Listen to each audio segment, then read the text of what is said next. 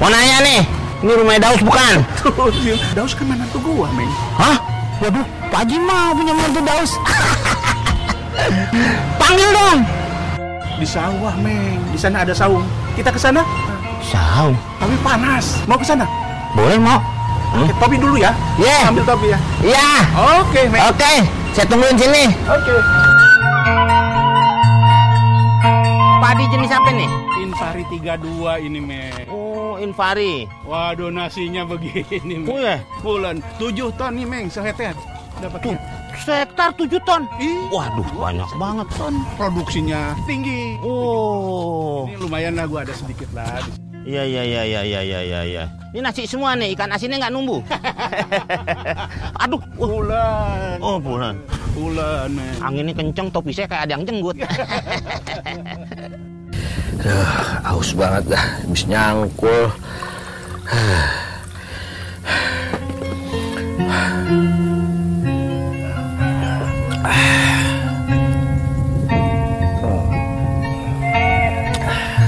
Nah, ini nih. Oh ini, ya? Saung ini, Meng. Wah, ini ada. Ini apa nih, Pak Haji? Ini markisa, Meng. Oh, markisa. Markisa, ini markisa. Terus Markisa. ini ada ikan nila. Oh, empangnya ini lah. Ikan nila. Ini ang sebelahnya kanan anggur nih, Meng. Ini anggur. Iya. ini. Waduh. Ini? Ini cabai Cabai. buat makan temen makan tahu Meng. Iya, pas berarti. Jadi- Anggur tuh cuci mulutnya ada ya. Iya. Temennya tahu Nah, ada. Nah, pohon kelapa kopong masih kecil-kecil. Oh, kecil-kecil ya. Nah. Oh, kayak teman saya si Adul gitu kecil. Iya. Di sana tuh ada asparagus, Meng. Asparagus. makan asparagus sama kepiting gua punya pohonnya. Nah, itu biasa ada supnya itu Pak Haji. Sup asparagus. Asparagus. Iya. Wah, jadi komplit Pak Haji sini. Ya, Pohon apa iya. aja ada? Ini ada asparagus. Asparagus tadi udah. Ya, daus sih daus. Wah, nudi ya no. Ayo. Wah, ame ini nih yang buat betulin aspal. Ini apaan?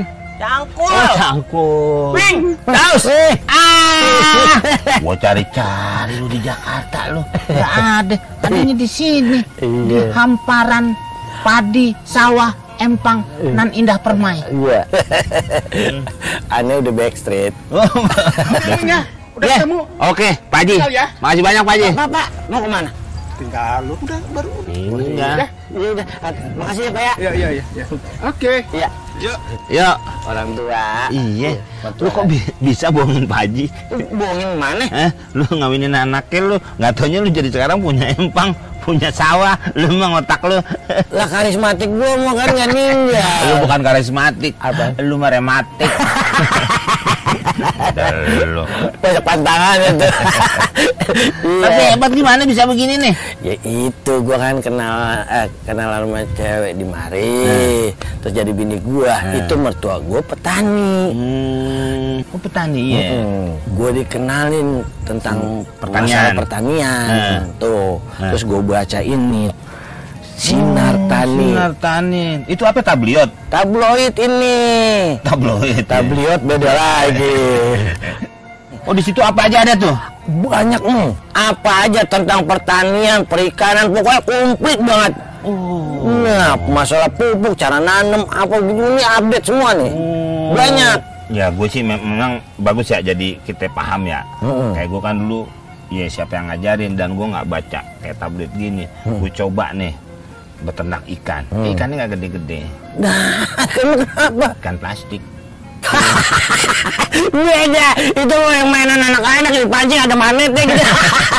Nempel. Dapat tadi ya. Ih, dia mah bercanda mulu, ah. orang dulu udah ngomong serius ini. Iya, iya, iya. Nah, selain ini, selain sinatan ini, ada aplikasinya juga, Meng. Oh di handphone?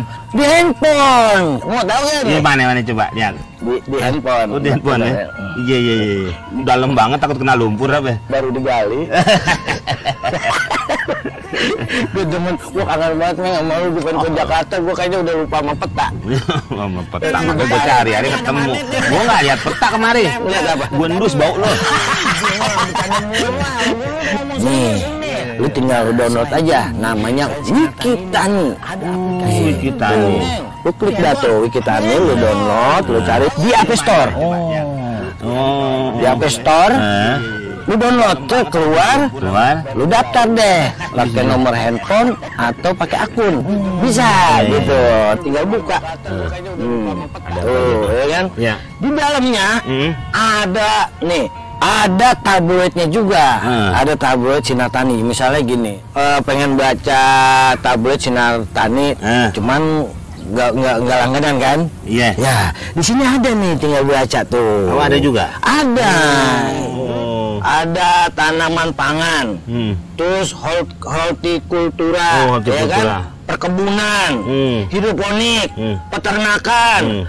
Agribisnis, Wah. tuh motivasi bisnis, no. terus layanan pertanian, info tani, iklan dagang, konsultasi penyuluh Itu juga. iklan dagang. Maksudnya nanti kalau babe kayak padinya nih, mau panen nih. Mau panen. Bisa dikasih tahu di situ Kasih ya. tahu dijual di sana gitu dipasarin Nah. dan bantu gitu Iya. penjualannya gitu dengan harga yang sesuai dengan ke- keadaan maksudnya eh, eh, harga sekarang gitu Lu jual barang mertua umpamanya.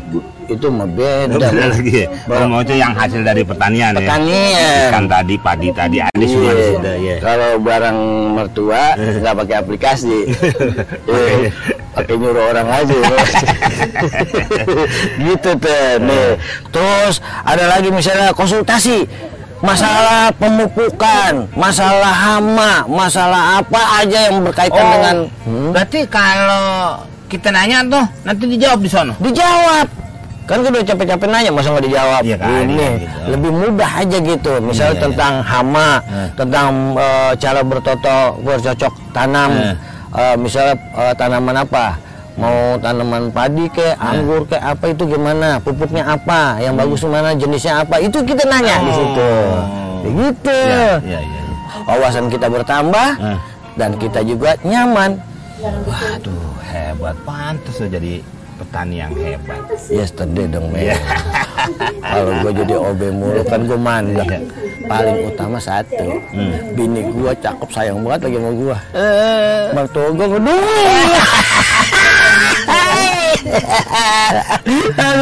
Iya, iya, iya, iya. Bercanda mulu lah. Ini Salam,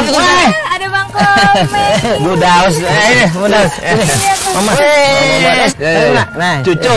Anak Oh, anak. Anak cucu gimana Iya, iya, iya. Anak hasil pupuk organik Jangan-jangan pakai pupuk juga. Iya, iya, iya. Nih, eh, tablet sinar tadinya baru datang ya. Waduh makasih ya Oh, jadi ada tabletnya juga.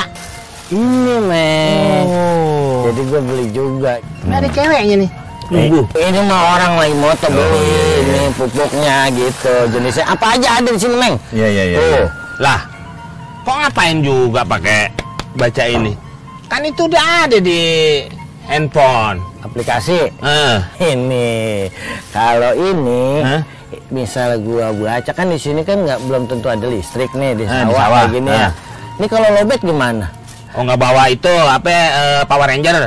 Power bank Oh. Power Ranger itu namanya kartun anak-anak berubah gitu. Tuh anak gue senyum. Iya, iya. Tuh.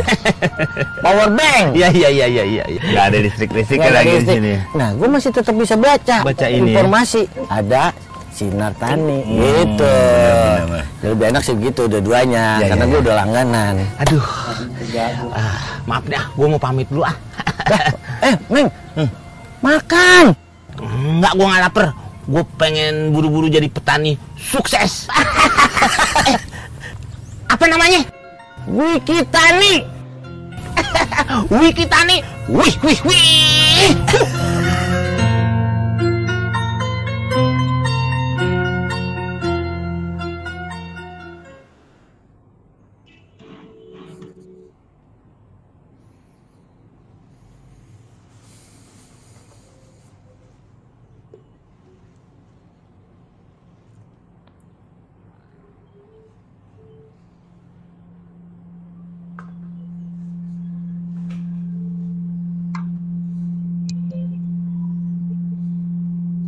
Kang. Eh, Assalamualaikum Pak Mul. Bisnis bebek. Bisnis bebek. ya. Oh, siapa tuh Pak Imran ya?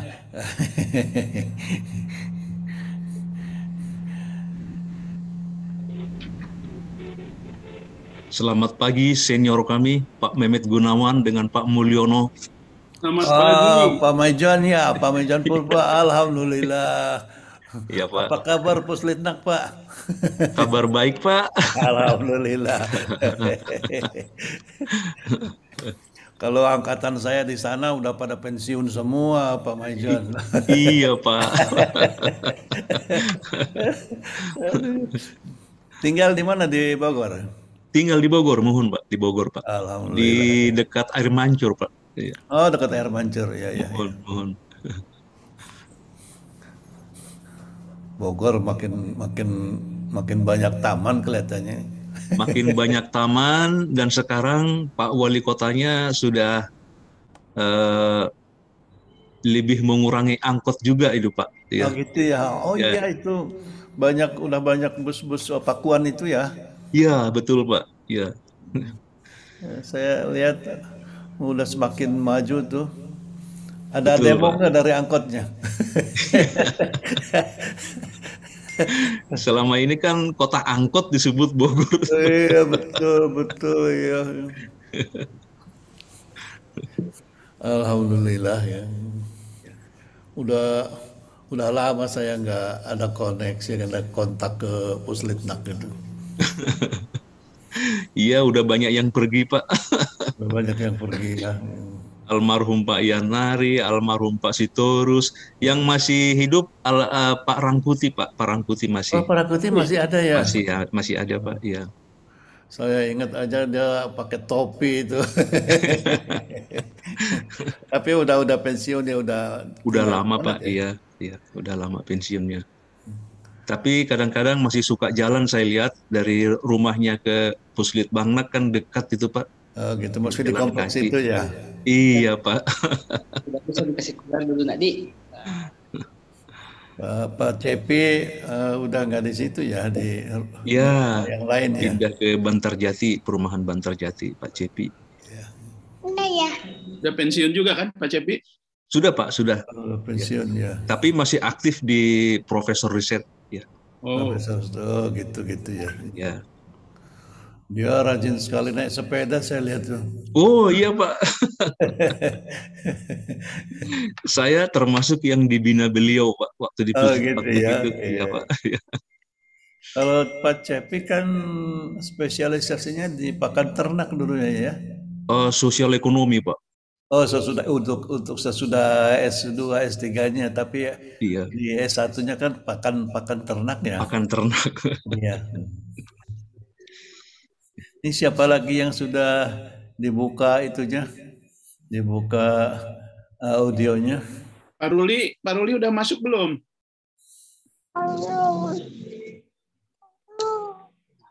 Tadi saya lihat, ah Pak Ruli ada tuh. Ada ya? Ah, Pak Ruli. Pak Mehmet, Pak Pak Ruli, Mu, selamat- dan Pak Ruli, apa Pak kabar? Alhamdulillah Pak Ruli. Selamat pagi Pak Ruli. Makasih Pak Ruli. Kalau tidak diunding Pak Mulyono sama Pak Mehmet Gunawan kita nggak ketemu ini virtual Betul. Pak. Betul. Pak Ruli, iya. Pokoknya Pak Mul kita sering-sering undang aja lah mereka Pak Mul. Kalau Pak Mu nggak ngundang, saya nggak hadir. iya. Di Kerawang kita masih bisa ketemu ya. Iya. Fasilitasi Pak Mulyono nih. gitu. Ah. Alhamdulillah. Sehat semua, Pak. Alhamdulillah. Alhamdulillah, ya. alhamdulillah. Iya. Pokoknya jaga jaga kesehatan Pak, lagi bukan main ini ya, yang. Omikron ini. Pak. Hmm. Betul Pak, betul. Gimana Jadi- Kerawang Pak Ruli? Banyak juga Ah. yang kena Kerawang. Banyak, Pak. Banyak tetangga juga ada yang kena. Ya. Iya. Kita belum aja nih karyawan. Mudah-mudahan tidak tidak ada apa-apa lah. Iya. Ya, Pilok-pilok Kita- biasa. ya, yang penting kita udah vaksin lengkap semua lah, Pak. Iya. Iya. Dan tidak ada komorbid gitu aja sih. Kalau Ya. masih muda-muda nggak ada komorbid. Kalau saya udah banyak pak.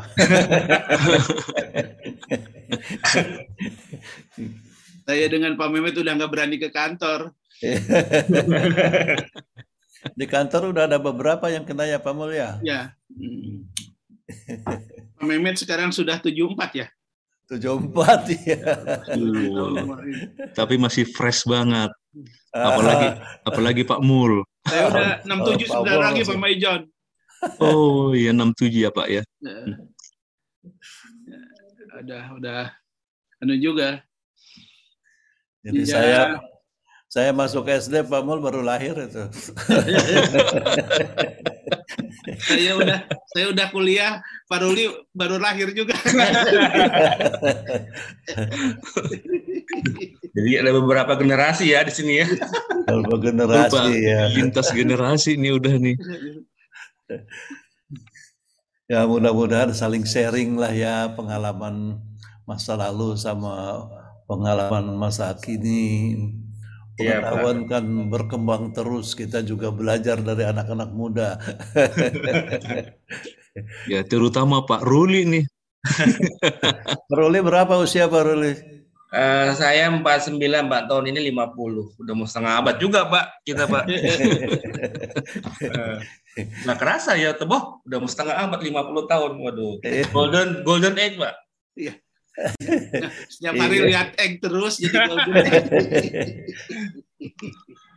Saya bilang eh, kita lewatin hari demi hari, tiap hari gitu. Tahu-tahu 274 tahun. Nikmat sekali rupanya tinggal di dunia ini. Jadi kalau dilihat Pak Met, 10 tahun yang lalu ti- tidak terasa, 10 tahun aja gitu ya. iya betul. Jadi waktu usia dulu mungkin Pak Mehmet 64, tahu-tahu sekarang udah 74 gitu ya. Jadi 10 tahun itu sepertinya dilewati serat gitu ya. Saya lihat eh, cucu saya waktu baru lahir, tiba-tiba sekarang udah SMA itu. Itu cucu ya.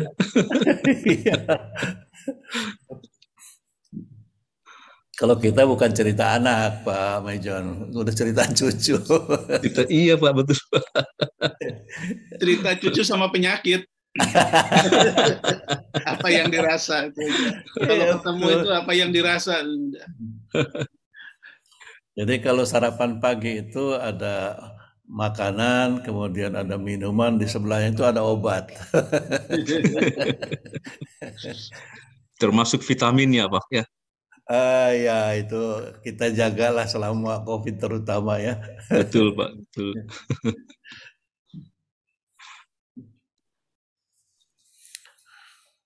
Gimana Pak Met? Masih nunggu kita atau Iya sudah sudah sudah waktu kelihatannya ya. Iya. Oke. Baik Bapak Ibu sekalian. Assalamualaikum warahmatullahi wabarakatuh. Waalaikumsalam. Bapak Ibu sekalian, alhamdulillah kita sudah bisa ketemu lagi pada hari Rebu, Rebu eh, di mana kita belajar ya. Karena Rebu itu biasanya kita bertemu dan kemudian kita berdiskusi berbagai macam masalah. ya. Eh, sebelumnya saya perkenalkan bagi yang belum eh, baru-baru-baru ikut di dalam acara ini barangkali ya. Nama saya Mehmet Gunawan. Eh, Kemudian di sini ada Pak Mulyono Mahmur dari Sinar Tani ya. Sinar Tani majalah eh, bukan majalah tabloid ya yang eh, selalu memberikan informasi mengenai pertanian. Eh, dan kita sudah menjadwalkan setiap Rebo itu ada acara untuk diskusi, webinar, eh, focus group discussion tentang hal-hal yang eh, masa kini yang perlu diketahui oleh kita semua. Eh, pada hari ini kita akan cerita soal bebek, soal bebek eh, mulai dari bebeknya sendiri sampai kepada masalah-masalah yang terkait dengan mm, pengolahan. Ini ada suaranya bergema ya. Ya. Ada ah udah udah bagus sekarang ya. Ya kita semua saya kira kenal bebek ya. Bebek eh, yang katanya kadang-kadang suka diasosiasikan eh, negatif, membebek, tetapi dagingnya luar biasa dan mungkin lebih mahal dari lagir ayam. Kemudian juga telurnya juga sangat eh, terkenal dan menjadi sumber protein bagi bangsa Indonesia. Eh, dan barangkali mengasuh bebek itu yang paling gampang ratusan aja cukup satu orang aja karena mereka itu bisa ngikut ya. Eh, tapi eh, hari ini kita akan bicara mulai permasalahan-permasalahan terkait dengan teknis memelihara bebek sampai dengan pengolahan dan kita sudah mengundang para narasumber yang kompeten. Eh, mudah-mudahan nanti kita bisa belajar semua dari pemaparan yang akan disampaikan oleh Eh, para eh, narasumber ini. Nanti akan dikenalkan oleh moderator Pak Mulyono, tapi saya sebutkan saja namanya di sini ada Dr. Maijon Purba ya dari peneliti di Balitnak, kemudian Pak Ruli Lesmana, eh, direktur dari satu usaha dagang Surya Abadi dan Pak Parmin. Pak Parmin sudah ada belum di sini? Belum terlihat ya. Dan Pak Parbin ini adalah kelompok peternak di Kalimantan Tengah, betul ya? Saya kira kita akan mendapatkan informasi yang sangat uh, komprehensif dari bapak-bapak semua ini. Saya tidak akan berpanjang lebar, tetapi bagi yang belum mengetahui uh, tabloid Sinar Tani, tabloid Sinar Tani itu adalah tabloid mingguan yang keluar setiap hari Senin, hari Selasa begitu, dan muncul dalam tiga versi.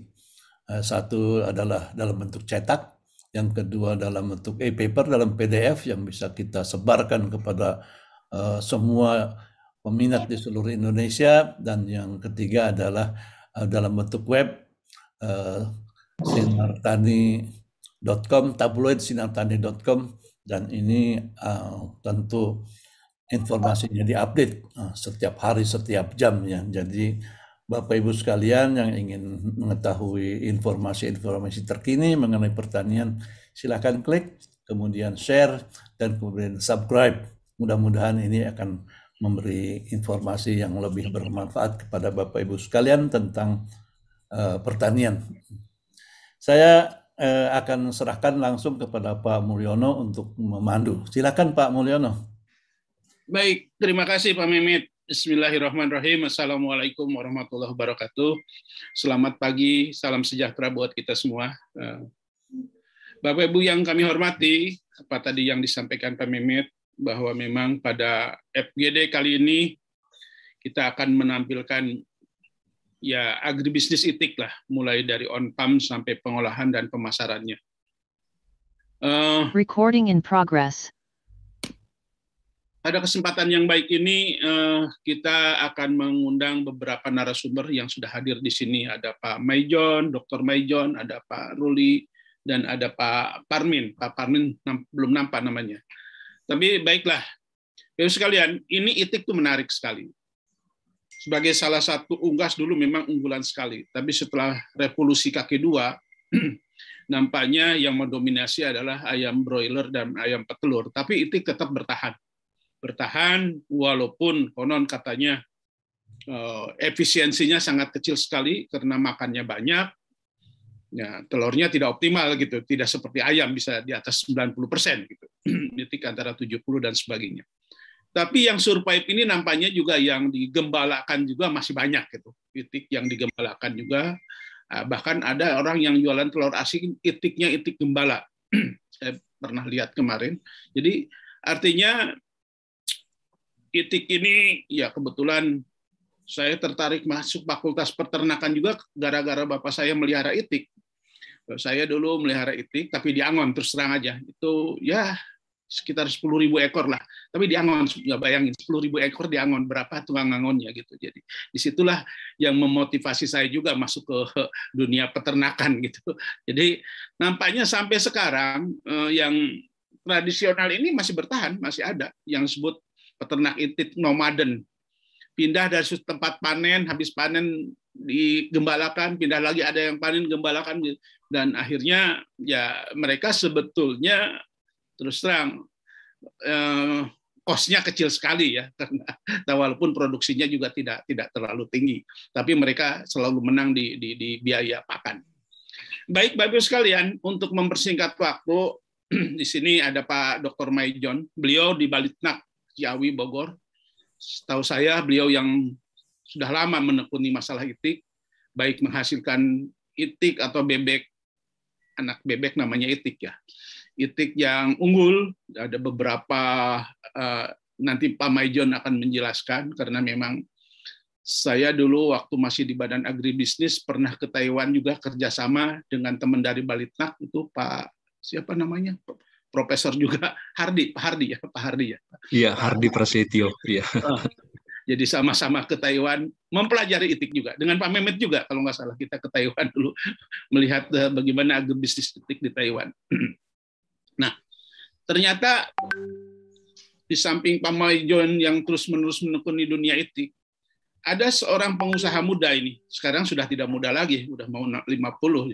Ini Pak Pak Ruli. Pak Ruli ini setahu saya ini luar biasa. Merintis dari kecil ya, dari nol mungkin. Berapa kali gagal saya tidak tahu. Dan beliau sekarang sudah memproduksi telur itik kurang lebih per hari 500 but, 50 ribu butir. Coba bayangin, 50 ribu per hari. Tinggal dihitung aja. Kalau dia beli bahan mentahnya berapa, di asin berapa, hitungnya keuntungannya berapa, nggak usah saya hitung lah. Nanti paroli yang nanti takut didatangin untuk orang pajak, jadi saya nggak usah ngitung lah. Pokoknya paroli yang tahu. 50 ribu beliau tidak hanya ah, produknya di dalam negeri, tapi semua produknya juga sebagian besar juga ada diekspor ke Timur Tengah, Malaysia, Singapura dan seterusnya. Dan yang hebatnya lagi, telur yang sudah di telur asin yang sudah diproduksi Paruli ini sudah punya NKP ya. NKP itu nomor eh, atau veteriner ya, P-nya veteriner. Kontrol veteriner, Pak. Nomor kontrol veteriner. Jadi jangan anu khawatir kalau beli telur itik dari Paruli ini kalau umpamanya dimakan busuk bisa komplain Paruli ini beli tanggal sekian nah Paruli itu bisa kontrol ke bawah ke peternak peternak yang mensuplai telur itu ke beliau dan di situ mendapat ya semacam ya teguran atau apalah dan Eh, mudah-mudahan diganti oleh Paruli kalau kita. Saya saya belum menemukan gitu telur beli telur Paruli yang busuk tadinya saya mau komplain gitu. 10 kali lipat saya kalau komplain itu. tapi tapi tidak tidak menemukan itu. Udah beberapa puluh kali saya makan telur dari Paruli itu. Nah, nampaknya memang uh, dan hebatnya lagi garamnya lagi itu garamnya top banget itu garam untuk apa sari roti dia pakai di pakai pakai garam telur. Dan memang quality sangat sangat sangat dijaga. Sekali sehingga telur asin beliau itu lolos dari apa namanya di Singapura itu apa namanya Paroli badan apa untuk uh, makanan ya ya badan pomnya Singapura lah memang standar internasional Nah, kalau standar internasional lolos di Singapura udah lolos sebetulnya di di di, anu, di di seluruh dunia. Artinya yang kaget saya kemarin terakhir lihat parul itu warna telur asinnya ada yang ungu, ada yang apa namanya? Saya bilang ini pink. telur asin ini siapa makan? Pink, ada pink gitu. Pink. Ternyata banyak orang orang-orang dari Filipina yang kerja di Dubai dan sebagainya menyukai telur warna pink. Jadi akhirnya terpaksalah oleh Paruli karena permintaan telurnya pink diwarnailah pink gitu dikirimlah ke, ke Dubai. Dubai ya Paruli ya. Hmm. karena banyak sekali tenaga-tenaga uh, dari dari Filipina itu yang memilih telurnya warnanya pink. Ini menarik sekali bapak sekalian. Jadi uh, Pak Parmin ini Pak Parmin dari Kalimantan Tengah ya Pak? Dari atau dari Betul Pak, ya oh, dari Kalimantan Tengah. Jadi tepatnya itu Desa Blantisiam, hmm. Pulang Pisau, Kalimantan Tengah. Oh ya di tempat anu ya eh, apa namanya? Food Estate, iya. Eh, food Estate ya. Nanti mungkin Betul, kita ya. pengen dengar juga. Saya tuh ke Kalimantan lihat itik bukan Kalimantan Tengah, bahkan di Kalimantan Selatan. Iya, di sana di Ada satu pasar khusus itu itik. Dari mulai makan itik, bibit itik sampai itik dewasa saya sampai berangkat itu jam dari Banjarbaru jam setengah empat, sholat subuh cari masjid di eh, perjalanan dan nyampe sana harus jam 6 pagi. Karena jam 6 pagi itu sudah luar biasa itu. Peternak itik itu di situ ada jualan telur, jualan anak itik. Tidak ada lain kecuali produk itik di, di Barabai, di Barabai kalau nggak salah, Barabai. Itu luar biasa di situ pasar itik yang luar biasa. Dan sekarang berkembang di Kalimantan Tengah, tentunya di daerah Food Estate masih satu Kalimantan. Saya kira nanti kita dengar dari beliau apa. Baru sekalian, itu pengantar untuk mempersingkat waktu saya dari Pak Maijon dulu ya, Pak Maijon ini eh, bagaimana apa yang sudah dilakukan Balitnak Ciawi Bogor ini eh, terus eh, menekuni dunia itik ini sehingga tadi inovasi berjalan terus, bagaimana efisiensi dari pakan dan sebagainya. Silahkan Pak Maijon. Terima kasih Pak Mulyono. Demikian juga dengan Pak Mehmet Gunawan atas kepercayaan dan undangan kepada saya sebagai salah satu narasumber tentang bisnis bebek pada hari ini. Uh, saya mohon kepada Ibu Geisa, tolong ditampilkan Ibu untuk bahan PowerPoint-nya. Dalam upaya mendukung swasembada protein hewani di Indonesia, Kementerian Pertanian hadir dengan melakukan berbagai penelitian pemuliaan terhadap produktivitas ternak itik lokal. Di Balit Bangtan Kementerian Pertanian telah dihasilkan satu teknologi bibit itik yang unggul yang disebut dengan itik master sebagai hasil persilangan antara itik Mojosari terseleksi dengan itik alabio terseleksi. Di mana keunggulan dari itik master adalah produksi telur yang relatif tinggi, umur pertama bertelur yang relatif cepat, dan juga puncak produksi yang relatif tinggi sebesar 94%. Dari hasil identifikasi dan evaluasi terhadap karakteristik dan potensi beberapa itik lokal yang ada di Indonesia, Kementerian Pertanian menemukan bahwa persilangan antara itik Mojosari jantan dan itik Alabio betina dapat menghasilkan itik master sebagai itik hibrida atau final stock. Diharapkan dengan terbentuknya satu teknologi bibit itik yang unggul yaitu itik master akan meningkatkan gairah masyarakat untuk memelihara itik sehingga akan muncul pembibit-pembibit itik yang baru dan juga eh, diharapkan swasembada protein hewani akan segera terpenuhi.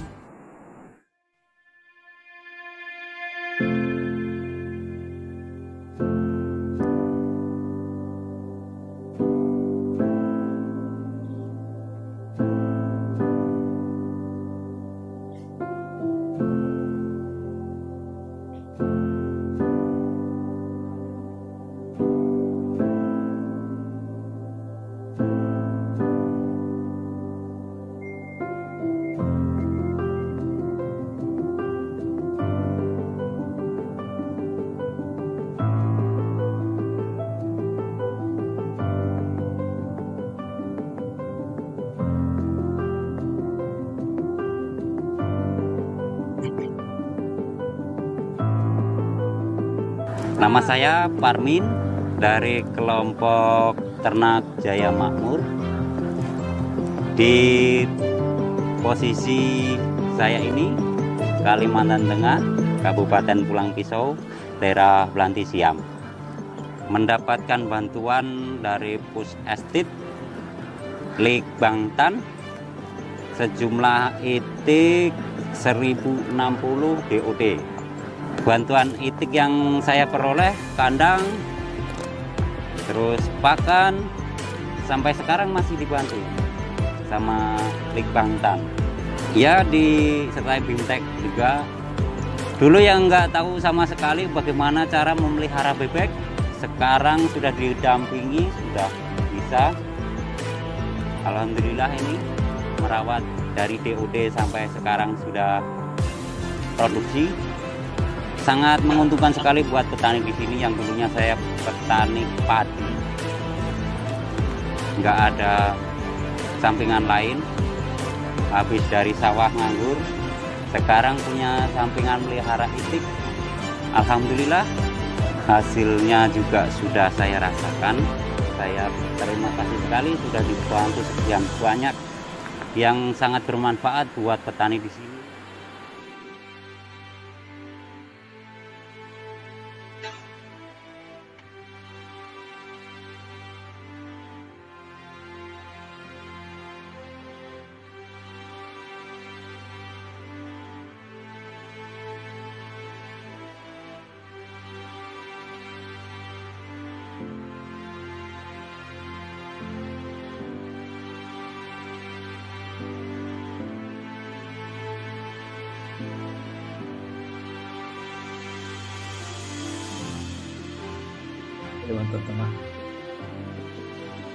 Eh, setelah saya mengikuti program Edit ini banyak hal yang saya rasakan. Sekarang sudah bisa meracik pakan sendiri sudah bisa bikin telur asin limbah pakan yang dulu limbah kotoran yang nggak bermanfaat dulunya sekarang sudah bisa fermentasi menjadi pupuk pertanian.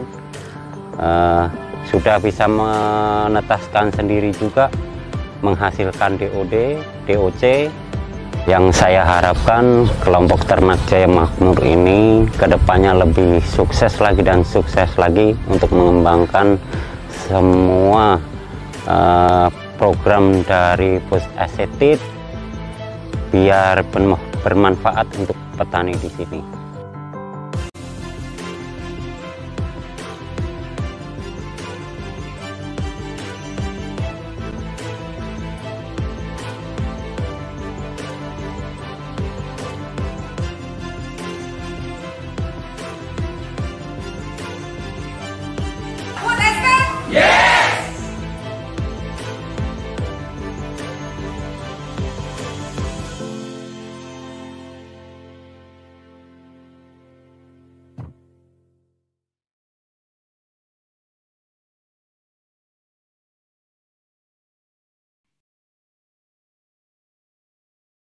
Bapak Ibu yang kami hormati, uh, itu tadi ada video sebagai pengantar bahwa akhir-akhir ini pemeliharaan itik tidak hanya di dataran tinggi maupun dataran rendah, tapi sudah masuk ke kawasan lahan rawa.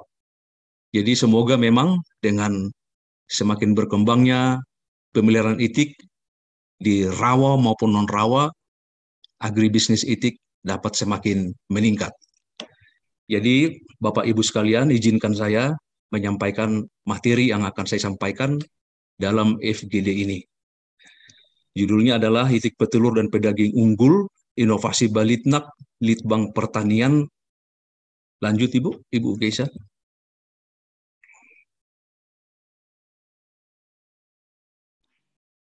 Ya, sebagai latar belakang, pertumbuhan dan produksi itik lokal di Indonesia belum maksimal, belum mampu memenuhi kebutuhan masyarakat, sehingga antara supply demand sampai saat ini belum seimbang.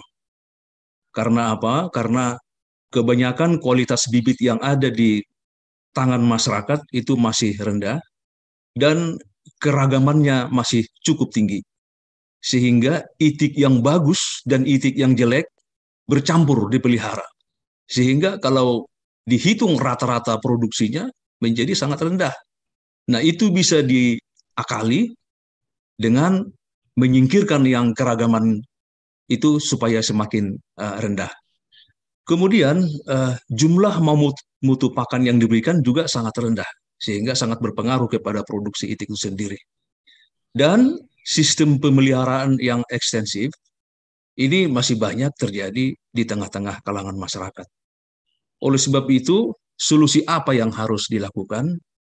Yakni Badan Litbang Pertanian, dalam hal ini kami sebagai peneliti di Balai Pilihan Ternak, mencakup peneliti dari aspek breeding dan reproduksi, kemudian nutrisi dan teknologi pakan, sosial ekonomi peternakan, bersatu padu bagaimana untuk menghasilkan bibit unggul yang siap disebar ke tengah-tengah masyarakat.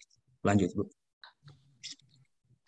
Kemudian sesuai dengan topik yang dihadirkan oleh tabloid Sinar Tani pada hari ini, ini sangat menantang bagi kami. Ya, sangat menantang. Peluang usaha dan bisnisnya bagaimana ini ke depannya ini. Ya. Nah, kita lihat bahwa permintaan telur dan daging itu semakin meningkat. Apalagi kita lihat sejak dimulainya masa pandemi COVID-19 ini. Orang semua sudah semakin mengerti dan menyadari bahwa telur itik maupun telur ayam termasuk dagingnya itu termasuk makanan yang bergizi tinggi dan sangat bermanfaat untuk kesehatan tubuh manusia. Kemudian peluang ekspor daging maupun telur juga sudah semakin terbuka. Masyarakat sudah semakin selektif untuk memilih makanan yang bergizi tinggi. Mengkonsumsi telur dan daging unggas termasuk produk dari itik menjadi pilihan tersendiri karena dapat meningkatkan stamina maupun imunitas tubuh. Nah, yang terbaru saat ini bagaimana itu masyarakat yang ada di Desa Belantisiam, di mana para petani di sana itu sudah rajin mengkonsumsi telur itik. Kemudian memilih makanan yang bervariasi, sehingga lebih menjamin ketersediaan maupun saling melengkapi kandungan gizi yang dibutuhkan oleh tubuh. Kalau kita makan hanya satu jenis, berarti ya terbatas. Tapi kalau dari beberapa bahan makanan yang kita konsumsi, itu akan saling melengkapi satu dengan yang lain sesuai dengan kebutuhan kita. Kemudian kita lihat bahwa restoran maupun rumah makan spesial penyaji menu daging bebek itu semakin tampak bertumbuh dan berkembang dengan variasi olahan yang semakin banyak. Lanjut, Bu.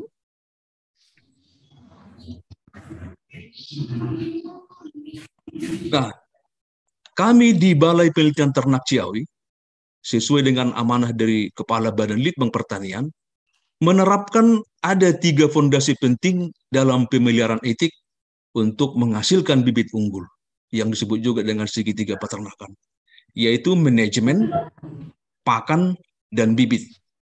Nah, kita lihat di sini, faktor pakan itu memiliki persentase yang paling tinggi, sekitar 70%, kemudian manajemen sekitar 15%, dan bibit juga sekitar 15 persen. Lanjut, Bu. Nah, kita lihat bahwa hubungan satu sama lain dari manajemen pakan bibit itu sangat-sangat erat keterkaitannya. Meskipun manajemennya sudah baik, pakan yang diberikan juga kualitasnya sangat baik dan jumlahnya sangat baik, tetapi kalau faktor bibitnya jelek, itu akan tidak mendukung performa itik yang sesungguhnya. Atau kita balik, bibitnya bagus, manajemennya bagus, akan tetapi pakan yang diberikan itu seadanya, tidak sesuai dengan kebutuhan oleh si itik tersebut. Sehingga performa yang dihasilkan juga akan menjadi jelek atau tidak memenuhi harapan. Ini yang mengakibatkan para peternak di lapangan itu mengalami kerugian. Bagaimana tidak rugi? Itik itu hanya dikasih dedak. Dedak itu kan sebagai sumber karbohidrat. Proteinnya mana? Nah, kemudian vitaminnya mana? Nah, sehingga sering bertanya ke kami, kok produksi telurnya rendah? Saya tanya, makanannya apa? Hanya nasi aking, hanya beledak, ya tidak bisa untuk menghasilkan produksi yang maksimal. Lanjut, Bu. Nah, ini adalah beberapa itik unggul ya, produk hasil penelitian Balitnak Badan Litbang Pertanian. Lanjut, Bu. Itu saya tulis dulu di masalah satu majalah. Nah, bagaimana Balitnak untuk menghasilkan itik petelur yang unggul? Nah, pada grafik ini bisa kita lihat bahwa di situ terdapat beberapa kelompok kemudian ada di sebelah kiri persentasenya.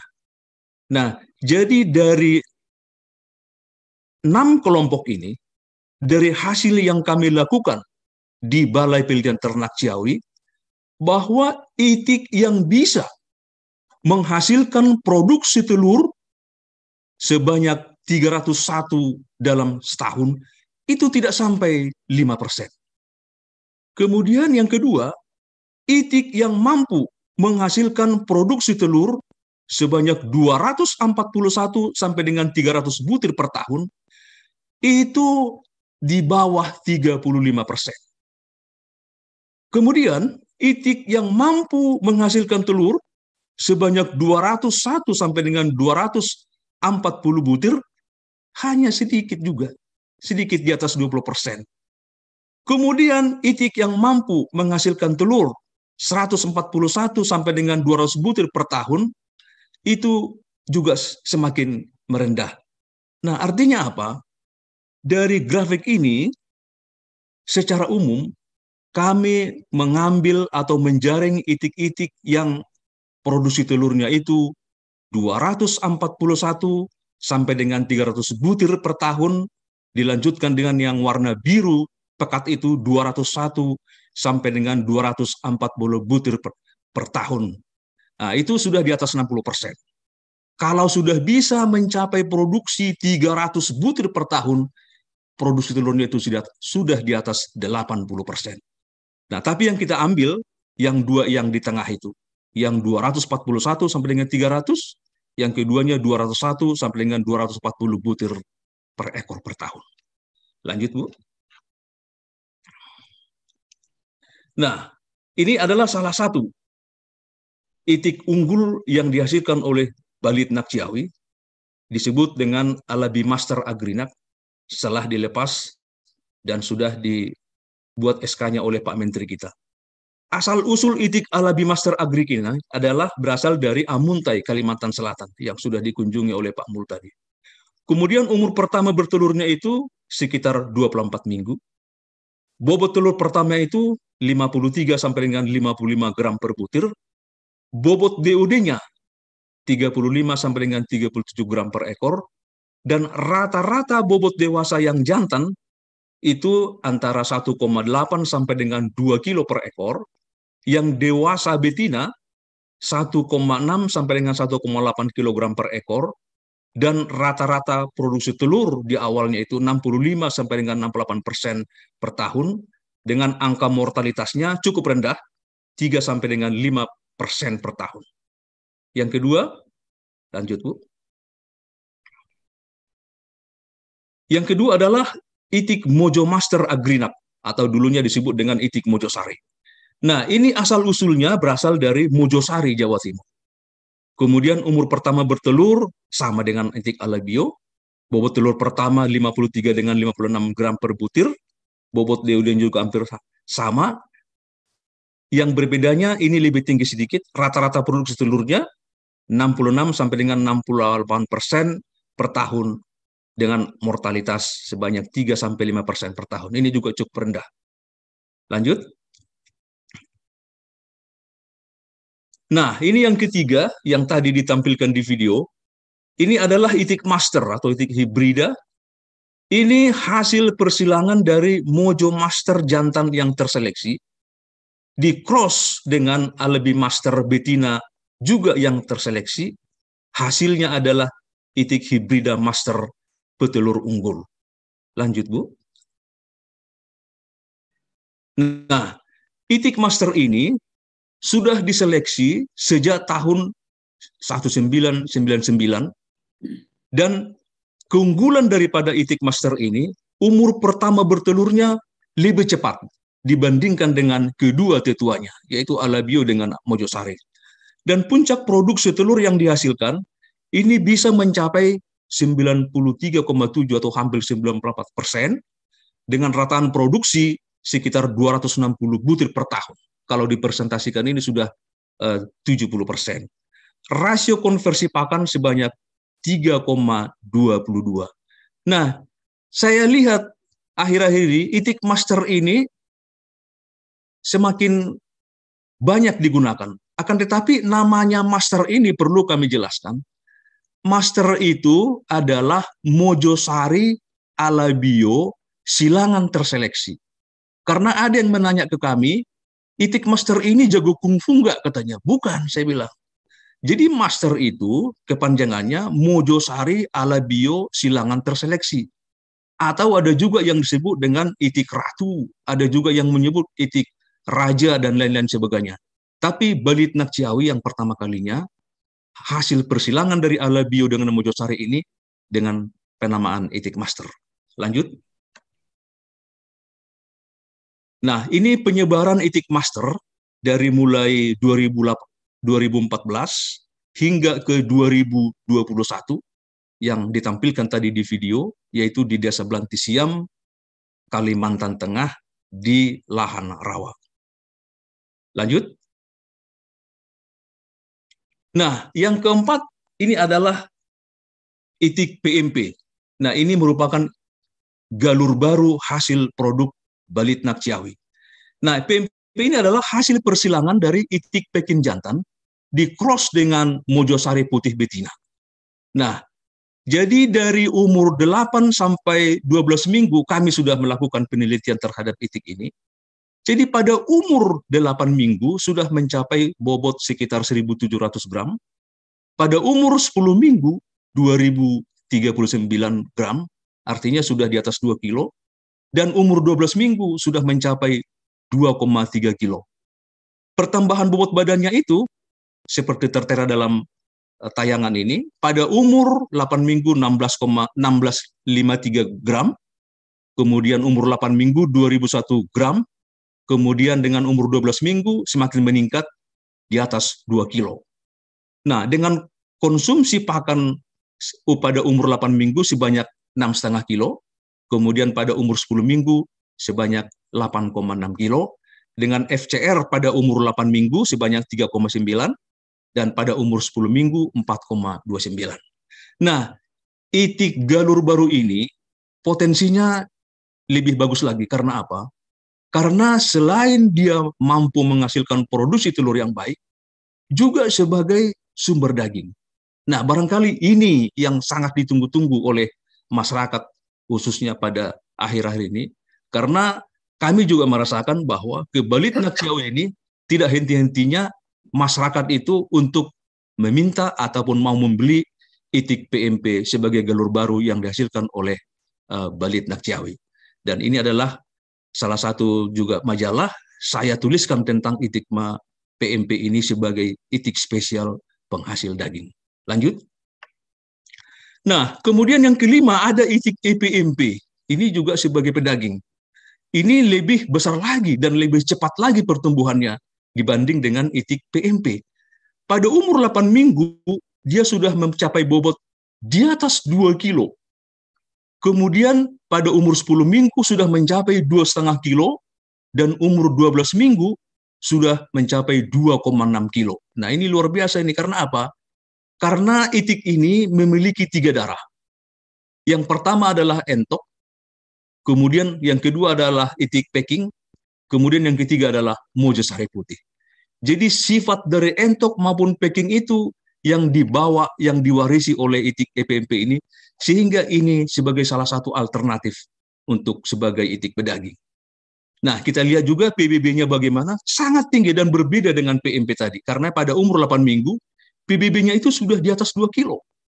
Bahkan di umur 10 minggu sudah mencapai 2,5 kilo dengan konsumsi pakan sebesar 5,9 kilo, 8 kilo, dan yang paling tinggi 12 minggu itu sudah mencapai 10 kilo dengan FCR 2,6 pada umur 8 minggu, 3,2 pada umur 10 minggu, dan 3,8 pada 12 minggu. Nah, dari hasil ini, kalau masyarakat atau peternak untuk lebih jeli melihat bahwa peliharalah sampai umur 10 minggu. Tidak usah sampai dengan 12 minggu mengeluarkan pakan yang biaya maupun modal. Karena apa? Umur 10 minggu sudah bisa mencapai dua setengah kilo bobotnya. Lanjut. Dan itu ada etik bongsor dari Ciawi juga saya tulis di salah satu majalah.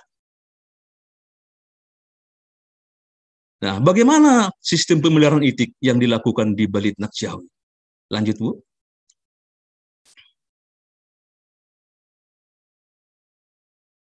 Nah, karena kita ada lembaga riset, sehingga sistem pemeliharaan yang kita anut di Balai Pilihan Ternak Ciawi adalah sistem intensif, sistem terkurung.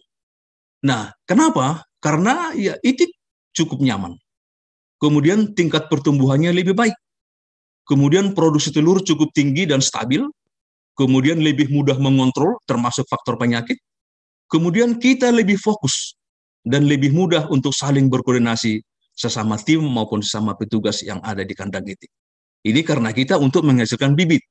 Bagaimana di lapangan? Nah, itu tadi yang dijelaskan oleh Pak Mulyono. Kalau di lapangan beda lagi.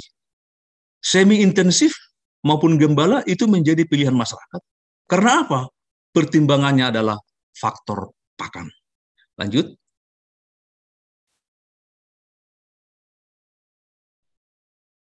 Nah, inilah bentuk kandang dengan pemeliharaan intensif yang kita laksanakan di kandang Balai Penelitian Ternak Ciawi.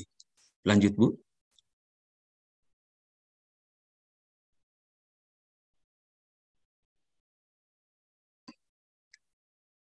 Nah, kemudian bagaimana dengan pemeliharaan itik petelur berdasarkan umur? Ini juga harus diketahui bahwa untuk menghasilkan bibit itik unggul itu, kita harus juga sesuaikan dengan umur dan berapa kapasitas yang bisa dipelihara dalam setiap kandang. Pada umur 0 sampai 4 minggu, itik dipelihara dalam bentuk panggung ataupun bentuk kawat. Nah, ini yang dilakukan oleh eh, rekan-rekan uh, yang melakukan penelitian dalam uh, breeding karena kandangnya kandang individu. Kemudian bentuk liter yang diberi alam sekam. Nah, ini yang perlu. Jumlah itik yang dipelihara pada umur 0 sampai 4 minggu itu adalah berkisar 20 sampai dengan 25 ekor per meternya. Lampu pemanas dibutuhkan karena itik itu bulunya belum sempurna sehingga harus ada dengan ditambah dengan uh, lampu pemanas. Makan dan air minum harus selalu tersedia dengan pH berkisar 5 sampai dengan 7. Lanjut. Pada umur 5 sampai dengan 8 minggu, jumlahnya berkurang karena itiknya kan semakin bertambah besar. Jumlahnya itu adalah 10 sampai dengan 15 ekor per meter dan tanpa lampu karena sudah tumbuh bulu sehingga dia sudah bisa untuk uh, mengatasi uh, panas maupun dingin yang ada di kandang tersebut. Sedangkan pakan dan air minum harus tetap tersedia karena memang itiknya itu harus bisa bertumbuh dengan makan maupun dengan minum. Lanjut. Nah, pada umur 8 sampai umur 20 minggu, ini adalah masa darah dan masa pertumbuhan, sehingga kandang yang digunakan itu bisa kandang kelompok, dan bisa juga kandang panggung yang berbentuk petak. Kemudian bahan lantai dapat disesuaikan dengan kondisi wilayah. Kemudian kalau di Ciawi, kita memang sudah ada kandang yang dalam bentuk kawat, kemudian petak, dan ada juga yang beralaskan akrilik. Kemudian ada saluran air, karena itik itu disebut dengan waterfall, ya. Jadi dia memang e, kalau ada air, dia sangat senang sekali. Makanya di Jawa Barat, saya lihat itu para peternak itik itu e, ada kolamnya, itu memang sangat e, mendukung juga untuk e, si itik tersebut. Tapi jangan salah, dengan penelitian di Balitnak Ciawi, ternyata beternak itik tanpa air juga atau tanpa kolam sudah bisa eksis, artinya sudah adaptable. Nah, kemudian jumlahnya pada umur 8 sampai dengan 20 minggu itu antara 6 sampai dengan 8 ekor per meternya. Dan air minum harus tersedia secara terus-menerus karena itik itu butuh sekali dengan itik. Kalau kita lihat pola makannya itu makan, minum, makan, minum itu terus kerjanya di kandang kalau kita amati. Nah, sebaiknya memang pemberian pakan dua kali per hari supaya tidak banyak yang tumpah. Dan pada akhir periode, pada umur 8 atau dengan 20 minggu, ini yang harus diperhatikan. Kalau untuk menghasilkan bibit untuk petelur, jangan melebihi 1,6 kilo. Karena apa? Itik petelur itu kalau kegemukan, dia akan bertelur yang cukup rendah. Karena apa? Pakan yang dikonsumsi oleh dia itu akan dideposit menjadi lemak Sedangkan kita butuh telur. Sehingga pengaturan bobot badan ini juga harus diperhatikan. Lanjut. Nah, ini kurva pertumbuhan titik petelur ya, seperti yang saya utarakan tadi. Jadi semakin bertambah umurnya dari mulai 0 minggu sampai dengan 5 bulan itu bobotnya itu sudah mencapai 1,5 dan di sini harus diperhatikan secara benar agar si itik tersebut jangan melebihi bobot badan 1,6 pada saat dia mulai bertelur. Lanjut. Nah, pemeliharaan itik di atas 20 minggu, ini itik sudah bertelur. Masa produksi telur idealnya selama satu tahun, 12 bulan. Ya. Jadi artinya kalau kita pelihara itik dari mulai DUD, dia akan mulai bertelur pada lima setengah bulan. Jadi kalau dihitung ke depannya selama 12 selama 12 bulan ditambah dengan 6 bulan, artinya pada saat si itik tersebut sudah berumur 18 uh, bulan, itu kita harus adakan evaluasi maupun persiapan untuk uh, replacementnya. Nah, kemudian dipelihara dalam kandang liter, panggung, dan terdapat ruang tertutup dan ada atapnya untuk istirahat dan selain sebagainya. Kemudian lantai juga diberi liter. Manfaatnya adalah untuk mengurangi bau amoniak yang dihasilkan oleh feses dari itik tersebut maupun untuk kesehatan dari batang tersebut. Kemudian tersedia saluran yang terbuat dari pralon karena selain untuk minum, si itik tersebut juga sering mandi tuh di kandang tuh kalau perhatikan ya untuk membersihkan bulunya apalagi di siang hari untuk mengatur suhu ataupun temperatur tubuhnya. Kepadatannya berapa? 4 ekor per meternya. Jadi jangan terlalu padat. Kalau terlalu padat bisa mengganggu pertumbuhan si itik tersebut. Lanjut. Nah, ini kurva produksi telur. Jadi kurva produksi telur yang kita hasilkan di Balai Pilihan Ternak Ciawi ini artinya dari mulai awal kemudian memasuki produksi tiga bulan sampai dengan empat bulan lebih, itu merupakan puncak produksinya. Nah, saat ini juga kami sedang melakukan penelitian, kebetulan memasuki produksi tiga bulan, jadi rata-rata per hari sekarang yang saya lihat di kandang itu, itu ya 80 sampai dengan 85 persen produksi telurnya yang kami lakukan sekarang ini. Nah, artinya apa? Kalau benar pemeliharannya, benar juga pemberian pakannya, manajemennya, dan itiknya juga bagus, tidak menutup kemungkinan produksi telur yang dihasilkan akan memuaskan. Dan kita lihat bahwa sampai umur 12 bulan, produksi telurnya itu masih di atas 50%. Kemudian setelah itu sudah mulai turun, nah itu normal sekali, bahkan pada saat itu sudah mulai terjadi rontok bulu. Nah kalau sudah terjadi rontok bulu, produksi telur itu sudah sangat-sangat rendah maksimal sekitar 30 sampai dengan 35 persen. Nah, di situ barangkali antisipasi yang harus dilakukan sebelumnya sudah harus tersedia DUD yang dipelihara pada saat rontok bulu terjadi sudah ada itik penggantinya. Lanjut. Nah, ini lewat aja ini, lewat. Kemudian pakan, ya, lanjut Bu ke ini bawahnya. Nah, tadi kan masalah pakan itu 70% dari pemeliharaan itik. Nah, ini adalah contoh-contoh bahan pakan unggas. Tapi di Balit Ciawi, untuk menghasilkan bibit unggul, kita berikan dengan pakan komersil. Akan tetapi, dalam penelitian nutrisi maupun teknologi pakan, nah bahan-bahan seperti inilah antara lain yang kita gunakan, akan tetapi tidak mengurangi kandungan gizi maupun uh, konsumsi daripada si itik yang kita pelihara. Nah, lanjut. Nah, ini contoh-contoh bahan pakan yang kita anjurkan di peternak yang ada di di masyarakat ya. Ada telur dan keong emas, ada keong emas, ada bekicot. Nah, ikan rucah, ikan sapu-sapu. Nah, ini di sepanjang Pantura ini sangat berlimpah sehingga dari sejak zaman Belanda kita lihat sampai sekarang peternak itik yang ada di jalur Pantura itu tetap eksis. Lanjut. Nah, termasuk juga ini, apalagi Cirebon, Indramayu, ya Kerawang, nasi aking ini sangat berlimpah. Ini yang kita anjurkan untuk digunakan di lapangan agar tidak memberatkan si peternak. Lanjut. Nah, ini adalah kebutuhan pakan ya. Jadi Bapak Ibu yang kami hormati ya, jadi ada tiga periode dalam pemeliharaan itik itu. Yang pertama periode starter, kemudian periode grower, dan yang periode layer atau bertelur. Nah, dari hasil yang kami lakukan di Balitnak Ciawi, dari pemeliharaan itik dari sejak DUD sampai dengan umur 8 minggu, dia membutuhkan sekitar belum, Bu. Balik lagi, guys. Balik lagi, Bu, yang tadi. Iya, jadi sekitar 4 atau sampai dengan 5 kilo per ekor. Ya.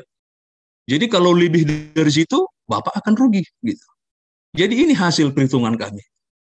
Kemudian selama periode grower, ya dari umur 8 sampai dengan umur 20 minggu, konsumsi pakan yang dibutuhkan itu sebanyak 12,5 atau kita bulatkan 13. Jadi artinya apa? Dari pemeliharaan itik dari sejak umur DOD sampai si itik itu bertelur, berarti dia membutuhkan sekitar 17 kilo. 17 kilo Jadi kalau kita kalikan dengan harga pakan misalnya berapa, 10 ribu, 170 ribu, itu pasti akan rugi. Nah inilah tugas kami sebagai peneliti, nutrisi maupun teknologi pakan, bagaimana mensiasati kandungan gizi terpenuhi tapi harganya lebih murah. Dan perlu diingat, kalau kita misalnya menyediakan dana, menghabiskan dana sebanyak 100 ribu sampai itik bertelur, kemudian kita jual hanya 75 ribu atau 90 ribu, ya tidak masuk hitungan. Sehingga ini juga menjadi suatu uh, hal yang sangat perlu diperhatikan. Lanjut. Ini kebutuhan air, oke lanjut. Ini Bu, ini. ini. Kemudian ini, uh, ya lanjut. Ya. Kebutuhan gizi pada itik, ya terus. Nah ini kebutuhan gizi petelur dari berbagai umur ya, dari mulai starter, grower maupun layer. Artinya apa? Kandungan gizi khususnya protein maupun energinya itu berbeda-beda. Pada fase starter dia membutuhkan kandungan protein yang tinggi, kemudian di grower. Di grower ini yang paling penting juga nih. Jangan terlalu tinggi kandungan proteinnya karena bisa itiknya gemuk. Ya, kemudian di layer naik lagi karena dia harus menghasilkan telur. Lanjut. Nah, ini untuk kebutuhan gizi itik PMP, ya sesuai dengan hasil penilaian yang kami lakukan, sama dengan yang sebelumnya, ya pada starter itu kandungan proteinnya harus minimal sekitar 19 persen, kemudian grower sampai finisher cukup dengan 16 persen. Demikian juga dengan energinya, miotin, metionin maupun yang hal lainnya. Lanjut Bu. Nah ini salah satu juga yang menjadi titik perhatian bagi kami, bagaimana supaya si itik tersebut terhindar dari penyakit-penyakit unggas. Ya, boleh dibilang sampai sekarang ya, itik yang kami pelihara di Ciawi itu jarang yang sakit. Makanya mortalitasnya juga sangat rendah. Pernah pengalaman kami di tahun 2013 waktu wabah flu burung. Nah, pendekatan yang kami lakukan adalah mengurus si itik tersebut dan kami pisah di karantina Kemudian kita kasih vitamin, kita semprot, kemudian kita artinya apa? Kita kasih kesempatan kepada itik tersebut menyembuhkan dirinya sendiri. Dan ternyata itu berhasil. Nah, jadi termasuk dari turunan-turunan mereka lah yang kita uh, pelihara hingga hari ini. Terus lanjut. Nah, ini biosecurity, ini juga menjadi hal penting yang dapat kami lakukan. Ya, manfaatnya adalah untuk menjaga kesehatan keamanan daripada si ternak itik tersebut. Lanjut Bu. Nah, ini asumsi teknis dan ekonomis untuk usaha itik petelur dengan pola usaha pemilihan intensif dengan skala usaha 1000 ekor, tingkat produksi 65 persen. Potensinya tadi adalah 70 sampai dengan 76 persen per tahun. Siklus produksinya 12 bulan, konsumsi pakan 160 sampai dengan 170 gram per ekor per hari, harga pakan itu maksimal ya 5.000. Tapi kalau bisa harus di bawah 5.000. Dengan catatan harus diformulasi sendiri. Ini yang kita terapkan di lapangan, termasuk yang ada di Denfam Kerawang, kemudian yang di Kalimantan Selatan, di Saja Jangkit, kemudian termasuk juga yang akhir-akhir ini uh, yang kita lakukan di di Kalimantan Tengah. Harga bibit 90.000 per ekor. Kenapa mahal? Ya jelas mahal. Karena itik balitnak itu bukan itik sembarangan, hasil seleksi dan perlakuannya khusus. Nah kalau di luar mungkin bisa 50 ribu, 60 ribu, tapi kan nggak jelas asal usulnya. Kalau kita 90 ribu, karena kita memang menghasilkannya juga dengan menggunakan teknologi sesuai dengan yang kita lakukan di Balitnak Ciawi. Nah harga jual telur, nanti Pak Parmin bisa cerita kalau di Kalteng itu berapa harga telur, Kemudian kalau diasinkan jadi berapa? Dan kalau telur tetas berapa? Artinya telur segar kalau ada perlakuan harganya akan semakin meningkat. Kemudian harga jual itik afkir itu sekitar 40 ribu per ekor yang di lapangan. Di Denfam Kerawang juga kemarin teknisi kami menjualnya ya 40 ribu masih ada yang beli. Gitu. Mortalitas dengan 3 sampai 5 persen. Lanjut. Nah, jadi analisis input outputnya dengan pemeliharaan 1000 ekor itu Nah, pendapatannya itu ya sebanyak 477 juta 712 500 itu dari telur yang dihasilkan, kemudian ada itik afkir. Nah, pengeluarannya kami kalkulasi dengan 1000 ekor dengan harga 90.000, kemudian pakannya, air, listrik, obat, sekam, kemudian upah. Dua orang untuk mengelola itik itu 439 juta 250 ribu. Akan tetapi masih ada keuntungannya. Per tahunnya itu sebanyak 38,4 juta per tahun atau sebanyak 3,2 juta per bulan. Dengan B per C-nya itu sebanyak 1,08 ini untuk itik petelur. Kemudian bagaimana dengan itik pedaging? Lanjut. Ini berbeda untuk hal pedaging. Karena apa? Itik pedaging itu tidak seperti harus itik betelur. Dan masa pemeliharaannya juga lebih cepat. Karena dia pada umur 10 minggu atau 8 minggu sudah bisa dipotong. Akan tetapi inilah yang dapat kami uh, siapkan dengan sebanyak 100 ekor misalnya itik jantan dengan pakan 650 kilo. Di total pengeluarannya sebanyak 3,4 juta. Penerimaannya masih ada 405 ribu per 10 minggu dalam pemeliharaannya 10 minggu dengan R nya itu masih 1,16. Artinya masih ada untuk keuntungannya. Lanjut, Bu. Sebagai penutup, yang pertama untuk menghasilkan bibit itik unggul, kerjasama SDM, peneliti dan teknisi memang mutlak diperlukan. Sistem pemeliharaan yang diterapkan agar produktivitas itik dapat optimal, yakni dengan sistem intensif, berbeda dengan di lapangannya. Pemberian pakan disesuaikan dengan kebutuhan itik, kemudian evaluasi mutu atau kandungan gizi pakan secara reguler memang selalu kami laksanakan di laboratorium Balit Nakciawi. Kebersihan kandang, pemberian vitamin secara reguler menjadi perhatian peneliti maupun petugas kandang untuk menjaga stamina maupun kesehatan si itik. Kemudian diperlukan catatan pembukuan sebagai bahan dokumen untuk evaluasi dan perencanaan. Dan ini juga yang kami ajarkan kepada para peternak di lapangan, supaya semuanya itu tercatat, tercatat sebagai bahan dokumen ya untuk perencanaan maupun evaluasi. Kemudian kami juga secara rutin melakukan diskusi, evaluasi, peneliti dengan teknisi selama kegiatan ataupun penelitian berjalan, sehingga sesuai dengan tugas kami, ya, kami diharapkan bisa memenuhi permintaan bibit unggul di tengah-tengah masyarakat. Terima kasih Bapak Ibu yang kami hormati, demikian yang bisa kami sampaikan.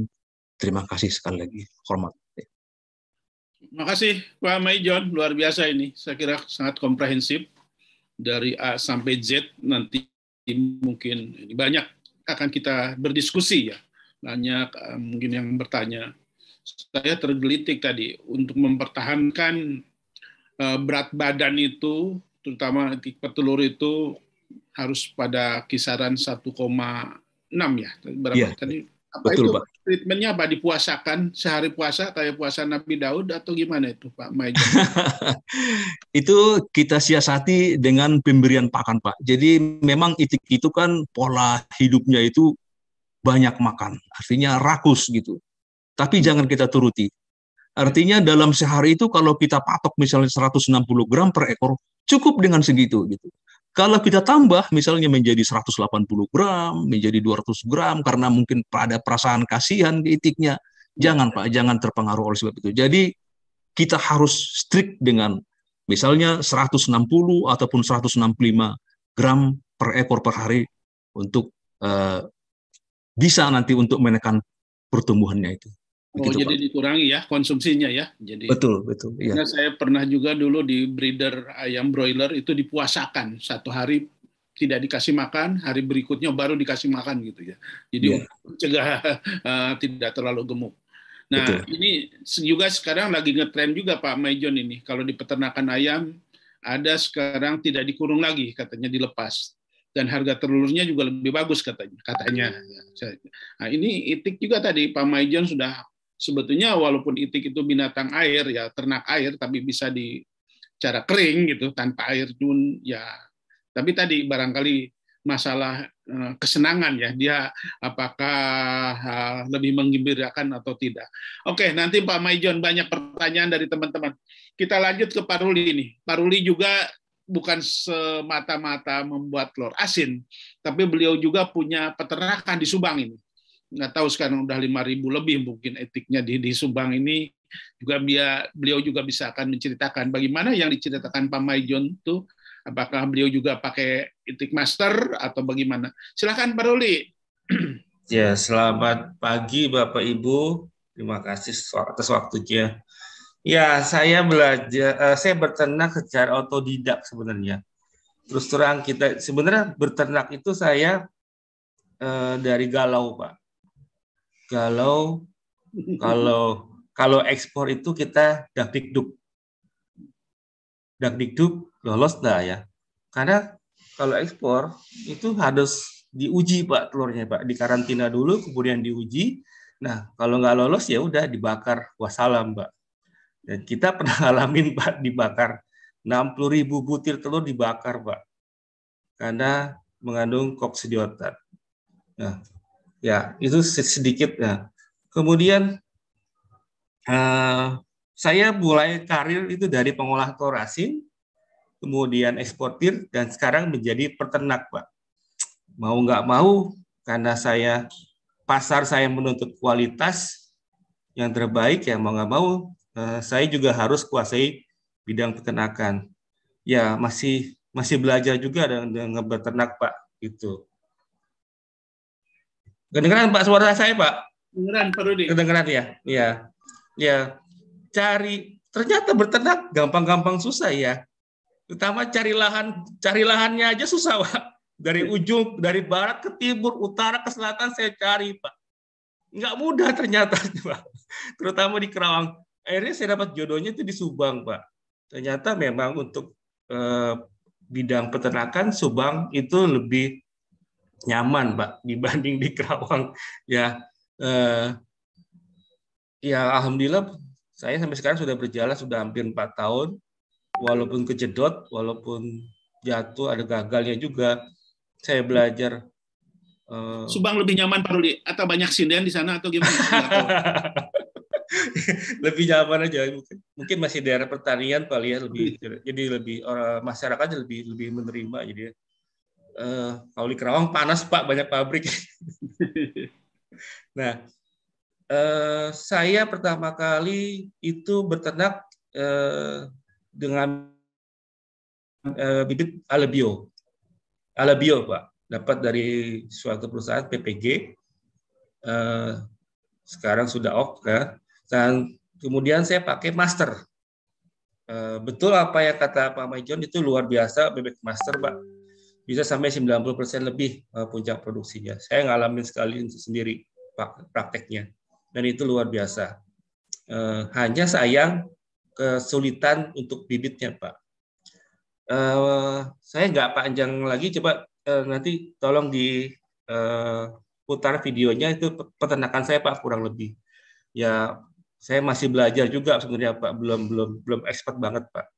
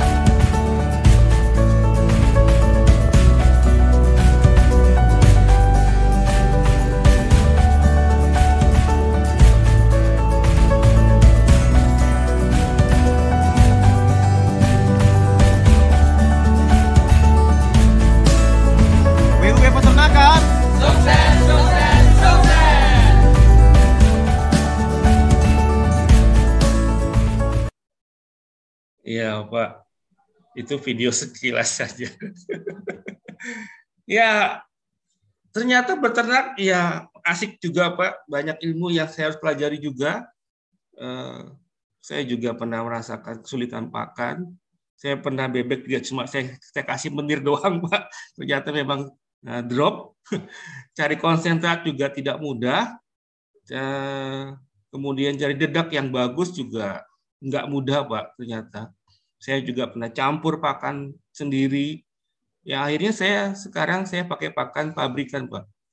Untuk populasi sekarang se baru mencapai 4.000, sebelum pandemi 8.000 Pak. Sekarang pandemi 4.000 dulu. Jadi kita bertahap dulu lagi sambil menunggu situasinya. Nah untuk market telur, uh, untuk telur petelur itu telur bebek lebih banyak kebanyakan dipakai untuk telur asin. Ya, ya kita juga eh, ekspor banyak juga permintaan dari luar negeri dari Amerika juga sudah ada permintaan pak dua setengah juta butir per tahun. Uh, eh, PT Kongguan sebutnya uh, sudah datang juga ke Indonesia. Kemudian dari Dubai juga sudah ada permintaan dari Jepang, dari Australia juga sudah ada permintaan Pak. Tapi ya memang uh, mereka mementingkan kualitas dan mutunya yang terbaik Pak gitu Pak. Uh, di, di Indonesia telur asin itu telur bebek banyak kan diolah di, di telur asin, tetapi kualitasnya itu ya banyak yang bikin telur asin itu asal-asal Pak tidak diperhatikan airnya, garamnya, telurnya dari mana. Kemudian eh, saya berapa kali di uji lab itu kenapa?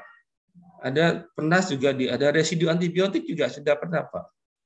Kemudian eh, kena juga di waktu waktu saya belum belum bertenak eh, telur saya di uji lab itu ada mengandung sudan red Pak. Juga pernah Pak itu pengalaman kita mau ekspor sudah kita produksi kita urus suratnya kemudian kita uji lab barangnya sudah nyampe pelabuhan eh sudah sudah mau berangkat. Hasil keluar uji labnya, eh, labnya ternyata positif pak sudah red akhirnya pulang lagi bongkar lagi pak. Ya itu itu pengalaman sebelum saya berternak tetapi setelah kita berternak ya kita mulai udah mulai confident pak. Jadi kalau mau diuji lab apa pun juga silakan karena kita tahu karena kami yang memberi pakannya, kami yang mengurusnya dan merawatnya dan tahu obatnya juga Pak seperti itu. Ya. Itu salah satu kelebihan kami punya peternak. Jadi mungkin kami satu-satunya ya yang peternak juga, pengolah juga sama eksportir juga Pak. Hanya kami satu-satunya mungkin di Indonesia, belum ada yang lain Pak. Seperti itu. Uh, kalau di, ada pertanyaan biasanya, kalau untuk ekspor berternak sendiri kayaknya tidak cukup Pak saya. Pasarnya masih luas. Kemudian juga saya baru baru kali ini baru belum lama ini saya grup dengan suatu grup restoran. Saya nggak sebutin nama restorannya karena takutnya di endorse Pak. Eh, jadi ada suatu PMA Pak restoran, grup restoran, PMA, pemoda asing tuh dari Singapura. Kalau di mall tuh banyak restorannya. Saya baru jadi vendor dan mereka ada permintaan khusus, Pak, yaitu telur asin pitam. Di Indonesia belum banyak telur asin pitam, Pak. Apalagi yang bersertifikat halal. Itu tidak ada sama sekali. Telur asin pitam, Pak. Bapak Pak Mulin tahu ya pernah yang warna hitam itu? Oh iya iya iya. Iya Pak, itu di Indonesia belum ada, tapi sudah ada permintaan telur asin hitam yang bersertifikat halal Pak. Nah mereka mau kontrak juga ke kita Pak. Seperti kalau kita sudah berhasil, kita disuruh urus sertifikat halalnya dan mereka mau kontrak dengan kita Pak. Itu peluang juga Pak untuk di, di domestik Pak. Jadi dikasih apa Pak Ruli? Ya Pak. Dikasih treatment apa bis, pakai bisa hitam itu? ada resepnya Pak, khususnya oh, Pak. Ada resepnya Pak. Oh, rahasia. Ada, masih, masih kita masih pengembangan Pak. Jadi kita belum, belum nanti kalau sudah berhasil uh, kita akan share okay. Pak nanti. Oke, okay, lanjut. Harganya lumayan, Pak. Itu satu butir 8.500, Pak. Wih, tiga kali lipat ya. Betul, Pak. Betul. Tapi ya bikinnya juga butuh proses dan waktu, Pak, seperti itu. Ya ini peluang, Pak, sebenarnya. Banyak banyak sekali, Pak, yang permintaan seperti itu. Dan Indonesia itu masih impor, Pak, telur asin hitam dari Tiongkok. Masih banyak, Pak. Itu. Tapi belum tentu halal ya, belum tentu halal. Belum, Pak, belum tentu halal karena mereka main chemical, main kimia, Pak. Pakai kimia, Pak. Eh, pakai larutan alkali. Yang pasti kalau dengan uh, kimia belum tentu di uh, uh, masih diragukan kalaupun punya halal, Pak. Nah, kita bikin yang alami dan halal, Pak, seperti itu. Nah, itu peluang juga, Pak. Ya masih masih dalam proses semua pengembangan Pak. Sebenarnya kalau tidak pandemi kami sudah sudah melesat Pak lebih dari ini Pak. Ini karena pandemi kita lebih banyak mengurung diri, riset sendiri Pak, begitu. Ketemu gitu. Ya Pak. Oke Pak, gitu aja. Nanti saya nggak banyak. Pak uh, lagi yang telur asin yang dijual kuningnya aja itu gimana itu Pak? Oh iya, frozen Pak itu frozen. Salah satu frozen juga bentuk pengolahan frozen. Jadi uh, Frozen itu buat kami pengembangan, Pak. Biasanya kami jual telur asin mentah. Uh, kalau sudah kalau sudah over tanggalnya, kami pecahin dan kami cuci dan kami frozen, Pak. Itu buat restoran, Pak. Banyak sekali juga permintaan. Nah, dalam, ya, dalam negeri atau luar negeri itu, Pak? Dalam negeri dan luar negeri juga ada, Pak. Hmm. Amerika terakhir minta yang frozen, Pak, ternyata. Oh. Amerika minta frozen, Pak. Di itu jadi banyak sekali pak. Terus itu putihnya dikeluarkan pakai apa pak? Di pakan jadikan pakan atau apa?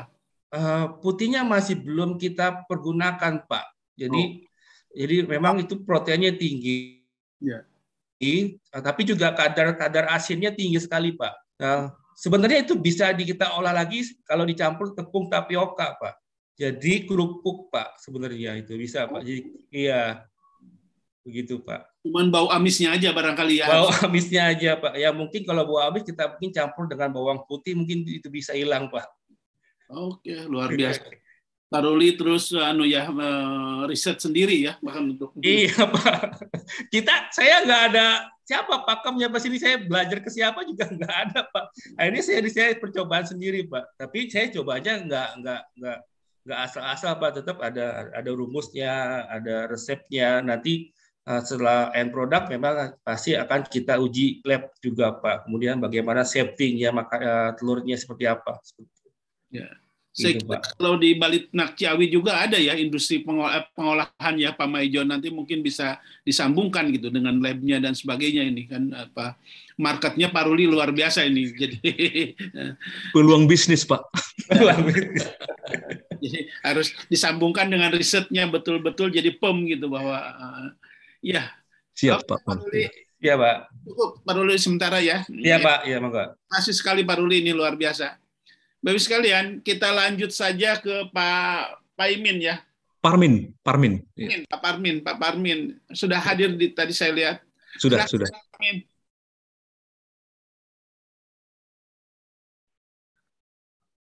Silakan Pak Parmin, pengalaman Bapak di lapangan gimana nih? Silakan. Uh, maaf nih Pak, saya dulunya tuh nggak tahu sama sekali tentang bebek ini. Uh, dengan adanya program ini, program Full Estate yang turun ke Kalimantan Tengah, uh, tepatnya ini saya yang megang di sini, yang dulu sama sekali nggak tahu bagaimana caranya melihara bebek, yang sekarang diajarin, didampingin dari Baliknak. Alhamdulillah Pak, sekarang uh, sudah bisa diajarin uh, perawatannya, diajarin pengolahan pakannya juga kemarin sudah diajarin limbah-limbah ternak itu yang dulunya nggak dimanfaatkan Pak sekarang sudah dimanfaatkan untuk pertanian. Kebetulan di sini mayoritas tuh petani padi, Pak. Jadi kalau habis kemarau panjang itu zat asam atau piritnya itu naik Pak. Untuk menanggulanginya itu pakai kotoran itu, kotoran bebek. Kalau kemarin itu sempat panen telur banyak sudah diajarin juga bikin telur asin. Telur asin itu kalau telur segarnya di sini harganya 2000, Pak. 2000 ya? Oke, 2000. Kalau telur asinnya dari pengolahan 3000 setengah, tapi kalau di warung-warung sudah 5000, Pak. Sedikit banyaknya kemarin saya juga pernah ikut bintek sama Pak Ruli Lesmana. Jadi sudah sedikit uh, pelajaran yang saya dapat, uh, apa itu pemberian garam, terus apalagi itu. Cuman yang belum saya bisa itu masuk uji lab, Pak. Yang di sini. Makanya saya itu di sini bisa bikin sebisanya tapi belum belum bisa mengeluarkan produk sini. Memang banyak Pak di sini telur. Kemarin per hari itu eh, populasi 850 itu bisa panen telur 790 Butir. butirnya itu. Itu cuma dijual telur segar. Kalau dijual telur asin, eh, saya ini belum berani mengeluarkan soalnya uh, yang saya bikin di sini, yang masih saya amatin itu masih ada kekurangan, masih perlu perbaikan. Soalnya baru-baru aja sih Pak. Uh, dulu yang nggak tahu sama sekali bagaimana itu bikin telur asin, bagaimana merawat bebek. Sekarang setelah diajarin sama bapak-bapak, ibu-ibunya yang dari Baliknak, uh, terutama Pak Maijon juga bisa mengajarkan bikin pakan ke saya yang teknisinya sudah dikirimkan ke saya itu macam-macam yang diajarkan dari sana Pak. Alhamdulillah di sini sudah saya petik hasilnya. Eh, sekarang ini penetasan sudah mulai berjalan. Eh, bebeknya nanti mau bikin yang master, ada juga yang itu asli Alabio Master, asli Mojosari Master ada juga. Terus di sini sudah diajarkan semua dari perlakuannya, pakannya, terus bagaimana menetaskannya. Alhamdulillah Pak, sekarang pesanan DOD sudah luar biasa. Tapi di sini juga masih untuk menyiapkan kandang sebelah yang kemarin sudah akhir untuk mengisi kandang sebelah dulu. Nanti kalau sudah penuh, siap untuk dipesan dari mana pun. Bahan bahan pakannya nggak sulit Pak di Pak Parmin? Kalau bahan pakan di sini alhamdulillah Pak, eh, dedak itu selalu tersedia. Soalnya di sini mayoritas eh, 98% itu petani Pak padi. Ya. Kayak dedak itu yang dimanfaatkan untuk bahan pakan. Terus tepung ikan juga dekat Pak, di sini dekat laut. Nelayan juga dekat. Kalau kita pesan yang dimanfaatkan nanti itu bahan pakan tepung ikan, kalau beli juga nggak terlalu mahal. Dedak juga di sini tempatnya. Kalau dedak per kilonya di sini kena 2000 500 per kilo. Kalau ikan tepung ikan itu kena berapa kemarin itu ya? 2700 ya. per kilonya di sini. Terus ada lagi Pak yang paling penting sumber protein. Ya. Saya sudah mulai budidaya. Itu dari maggot, Pak. Ya. Bagus tuh tinggi proteinnya okay. ya. Oke, okay. dari maggot itu yang sudah diajarkan dari Baliknak kemarin, peneliti-peneliti dari Baliknak sudah menguji lab itu berapa kandungan-kandungan protein yang ada di maggot itu untuk uh, nanti bikin campuran pakan. Itu diberikan magotnya maggot segar atau dia anu diolah dulu magotnya di untuk untuk saat ini magotnya masih dikasih segar pak belum belum punya pengolahannya. Belum punya peng... itik mau itu dikasih maggot segar mau itik itu senang banget pak. Senang sekali itu. Uh, itu kalau itiknya dikasih maggot segar itu itik menjadi jinak nggak jerah. Terus produksinya juga lebih cepat pak.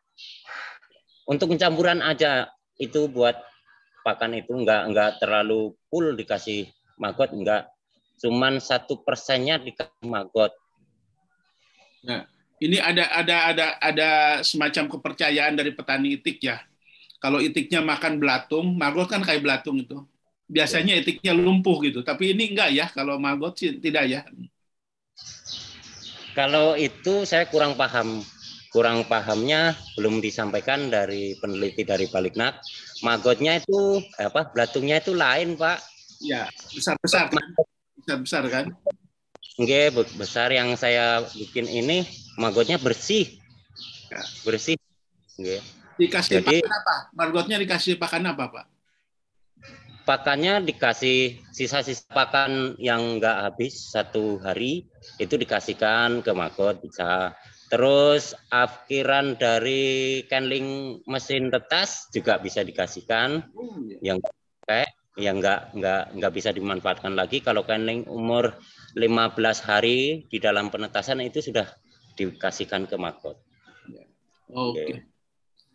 Limbah-limbah pasar itu juga bisa dikasihkan. Limbah kotoran ternaknya juga bisa, Pak. Ya. Kasihkan.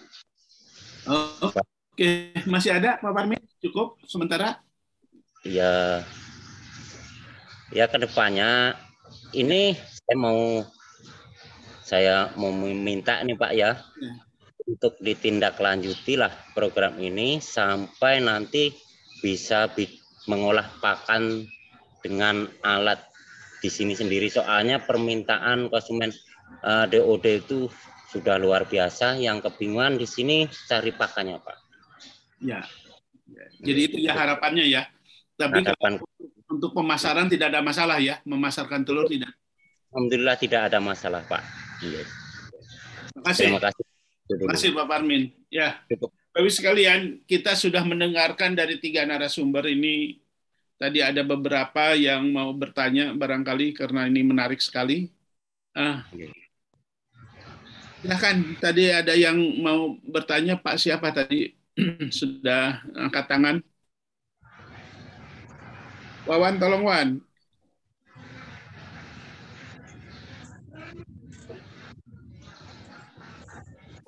Baik, silakan Pak Pak Bayu, silakan. Pak Bayu tadi sudah anu, silakan Bayu. Silakan Mas Bayu, silakan. Baik, Insinyur terima kasih.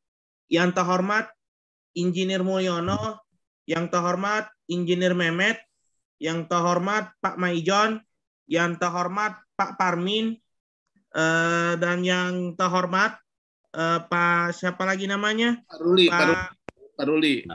Ruli. Salam kenal untuk Bapak Ibu semua. Assalamualaikum warahmatullahi wabarakatuh. Salam sejahtera. Salam Insinyur Nusantara. Saya Ahmad Bayu Aryawan, mahasiswa S2 Peternakan program pasca sarjana Universitas Halu Oleo Kendari, Sulawesi Tenggara. Izin bertanya kepada yang terpelajar Pak Maijon, uh, ter, ter, kemarin ini Bayu kebetulan melakukan penelitian pembuatan telur asin dengan menggunakan uh, telur entok salah satunya.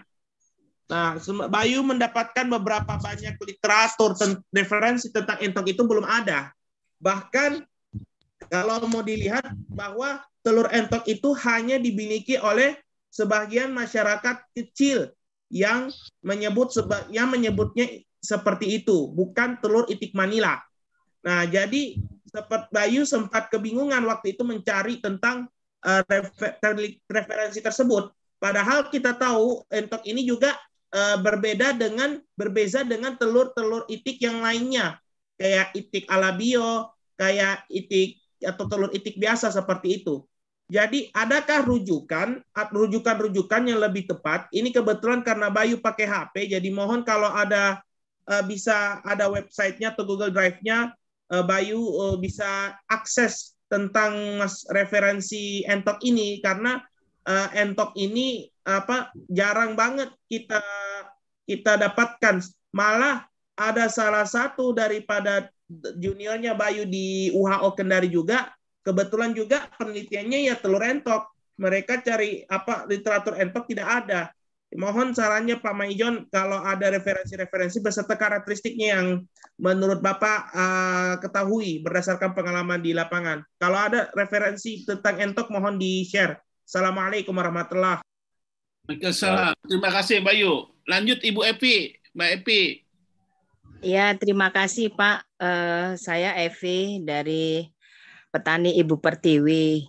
Uh, kebetulan saya kan punya uh, 12 uh, 12 ekor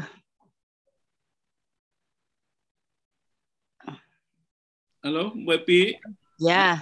ya. Saya kan punya ini Pak itik master. Kebetulan itik master saya alhamdulillah empat bulan sudah mulai bertelur. Cuman persoalannya waktu saya beli di Balitnak itu saya kan tidak punya laki-laki. Hmm. Jadi waktu itu dikasih perempuan semua. Lah untuk mengembangkan ini, apakah uh, uh, kita bisa ala biunya atau mojosarinya yang lakinya gitu supaya ini bisa berkembang dan tetap uh, sebagai uh, apa master itik master itik master murni gitu loh itu. Ini bagaimana solusinya gitu. Terima kasih. Makasih Mbak Epi. Jadi artinya memang um, perlu pejantannya ya Mbak Epi ya. Iya, iya betul Pak gitu. Lanjut Pak Supriyono, Pak Supriyono.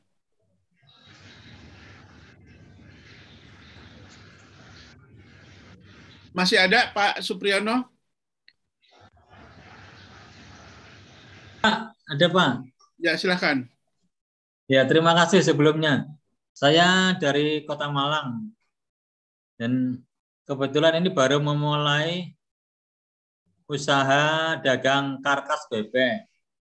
Nah, terus sebelum saya berdagang itu kemarin kita sudah survei ke Madiun, ke Blitar dan Mojosari Mojokerto. Nah, sebetulnya kalau di Malang itu pangsa pasarnya kan sangat besar dari warung-warung bebek maupun yang kaki lima maupun yang restoran. Nah, kita telusuri kenapa mereka rata-rata tuh kesulitan dan minta harus kontinu ngirimnya. Nah, kita menelusuri sampai ke uh, peternak.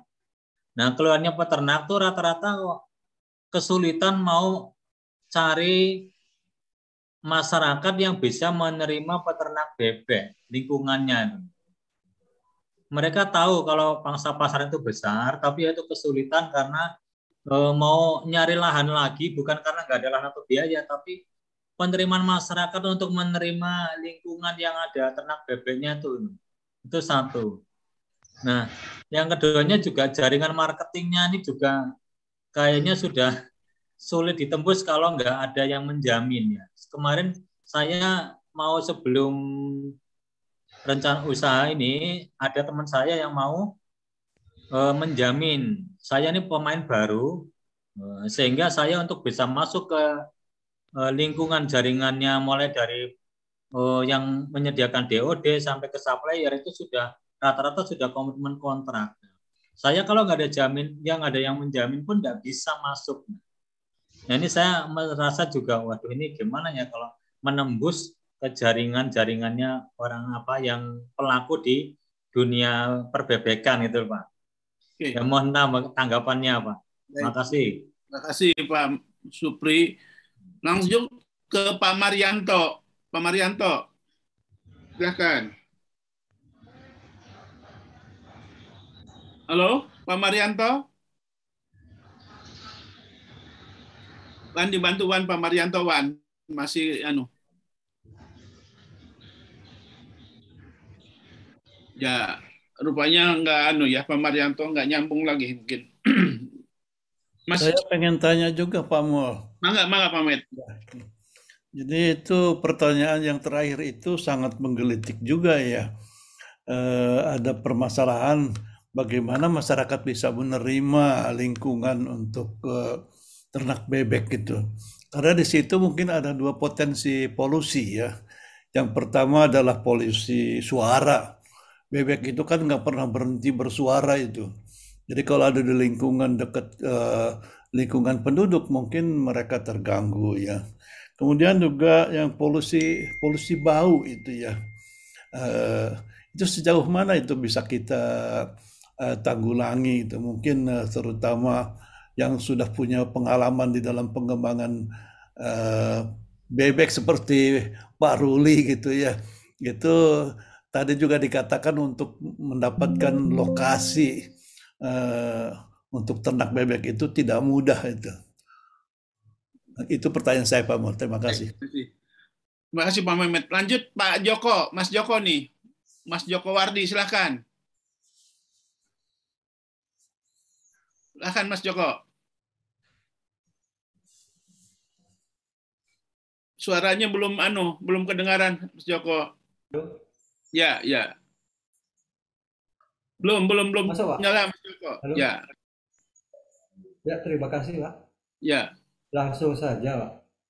Nah, saya juga tertarik bagi yang disampaikan sama Pak Maijon tadi, termasuk sama Mas Robi. Nah, namun kami juga ada kelompok-kelompok binaan untuk ternak itir itu. Nah, yang kami pertanyakan, Pak, terutama pada nah, Mas Maijon tadi, ini terkait dengan Nah, masa produksi, masa produktif itu bertelur. Nah, mungkin barangkali ada uh, ransum yang bisa uh, memperpanjang masa produksinya. Yang kami tanyakan, bagaimana cara, misalnya ada, bagaimana cara menyusun ransum, uh, ransum atau pakan ternak itu dengan komposisinya sehingga masa produksi nah juga kami nah itu pada ternak IT sedang ah, pada IT petelur sedangkan pada IT ini IT daging eh, kebetulan juga kami punya binaan Pak kelompok walaupun pemasarannya cukup di wilayah Madura, Jawa Timur. Nah ini terutama untuk itik pedaging, anu itik pedaging, itik potong. Nah di mana rata-rata nah, bahkan nggak nyampe 8 minggu pak, 8 minggu, ada yang 7 minggu, nah, bahkan 6 minggu sudah ini sudah nah, masuk market sudah.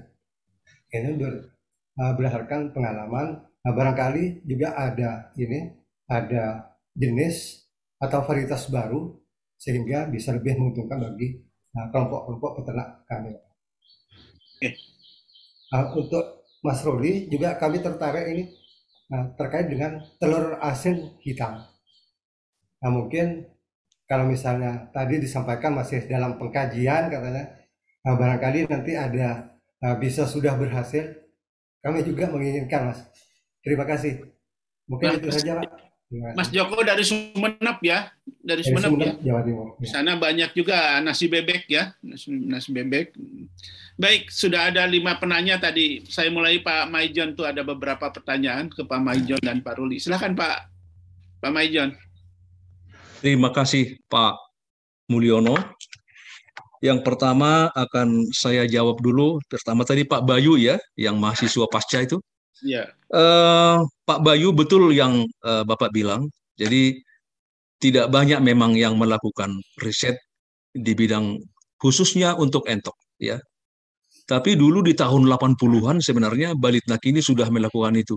Jadi saya ingat Bapak Tata Antawijaya, kemudian Ibu eh, Ida Ayu Bintang, ya, kedua peneliti tersebut memang sudah pensiun. Tapi mereka sudah banyak meneliti tentang entok. Nah, mengenai referensi barangkali nanti bisa langsung uh, uh, kontak dengan uh, Balit Nakciawi ya untuk membantu Bapak dalam uh, melakukan uh, risetnya. Kemudian yang terbaru uh, di Balitnak ini ada penelitiannya Ibu Triana Susanti ya. Uh, kemudian saya juga ikut sebagai anggota. Kalau tidak salah kami sudah publish juga mengenai entok ini di tahun 2015 di seminar proceeding uh, Puslitbang Peternakan. Nah, akan tetapi mungkin kalau yang lebih detail lagi ya bisa juga di search ya di kampus IPB ya di kampus IPB itu komplit di situ apalagi di perpustakaannya Fakultas Peternakan ya nah, di situ berhari-hari kita duduk sambil belajar baca literatur uh, yang namanya ilmu untuk ternak pasti ada di situ. Nah, tapi untuk hasil yang Balit Nakciawi mungkin bisa Bapak uh, kontak dengan kami, ya, dengan uh, perpustakaan kami juga di sini ada. ada. Kalau dulu TikTok itu dari mana, Pak? Pernah Tik dengar TikTok? Uh, TikTok itu penelitinya di sini itu adalah Profesor Dr. Argono R. Setioko. Oh. Ya, itu penelitinya Pak. Sempat berkembang di di lapangan tuh. Sempat berkembang di lapangan juga dilakoni oleh dilakukan oleh Pak almarhum mantan dirjen eh bukan dirjen Pak, yang direktur perkebunan. Ya, saya lupa namanya itu. Iya, dia juga melakukan pemeliharaan TikTok itu. Nah, ini juga memang sangat potensi untuk sebagai penghasil daging. Karena dia tidak kalah dengan entok. Perdagingannya tebal dan bobot badannya juga ya tidak kalah lah dengan uh, itik packing ya. Nah, untuk TikTok ini ini digunakan juga untuk ya sebagai pembasim hama hmm. ya di lahan sawah. Dan saya sudah lihat juga dulu waktu di daerahnya uh, Bapak yang saya bilang tadi itu. Kemudian saya juga pernah kolaborasi dengan peneliti BPTP Jabar, ya, Pak Agus, Itiknya dari kita, Pak, PMP. Nah, sebenarnya itik PMP itu tidak recommended karena memang itu masih belum dilepas waktu itu. Tapi namanya penelitian kan peneliti pengen tahu juga nih gimana itu. Ya kita coba memang di Subang.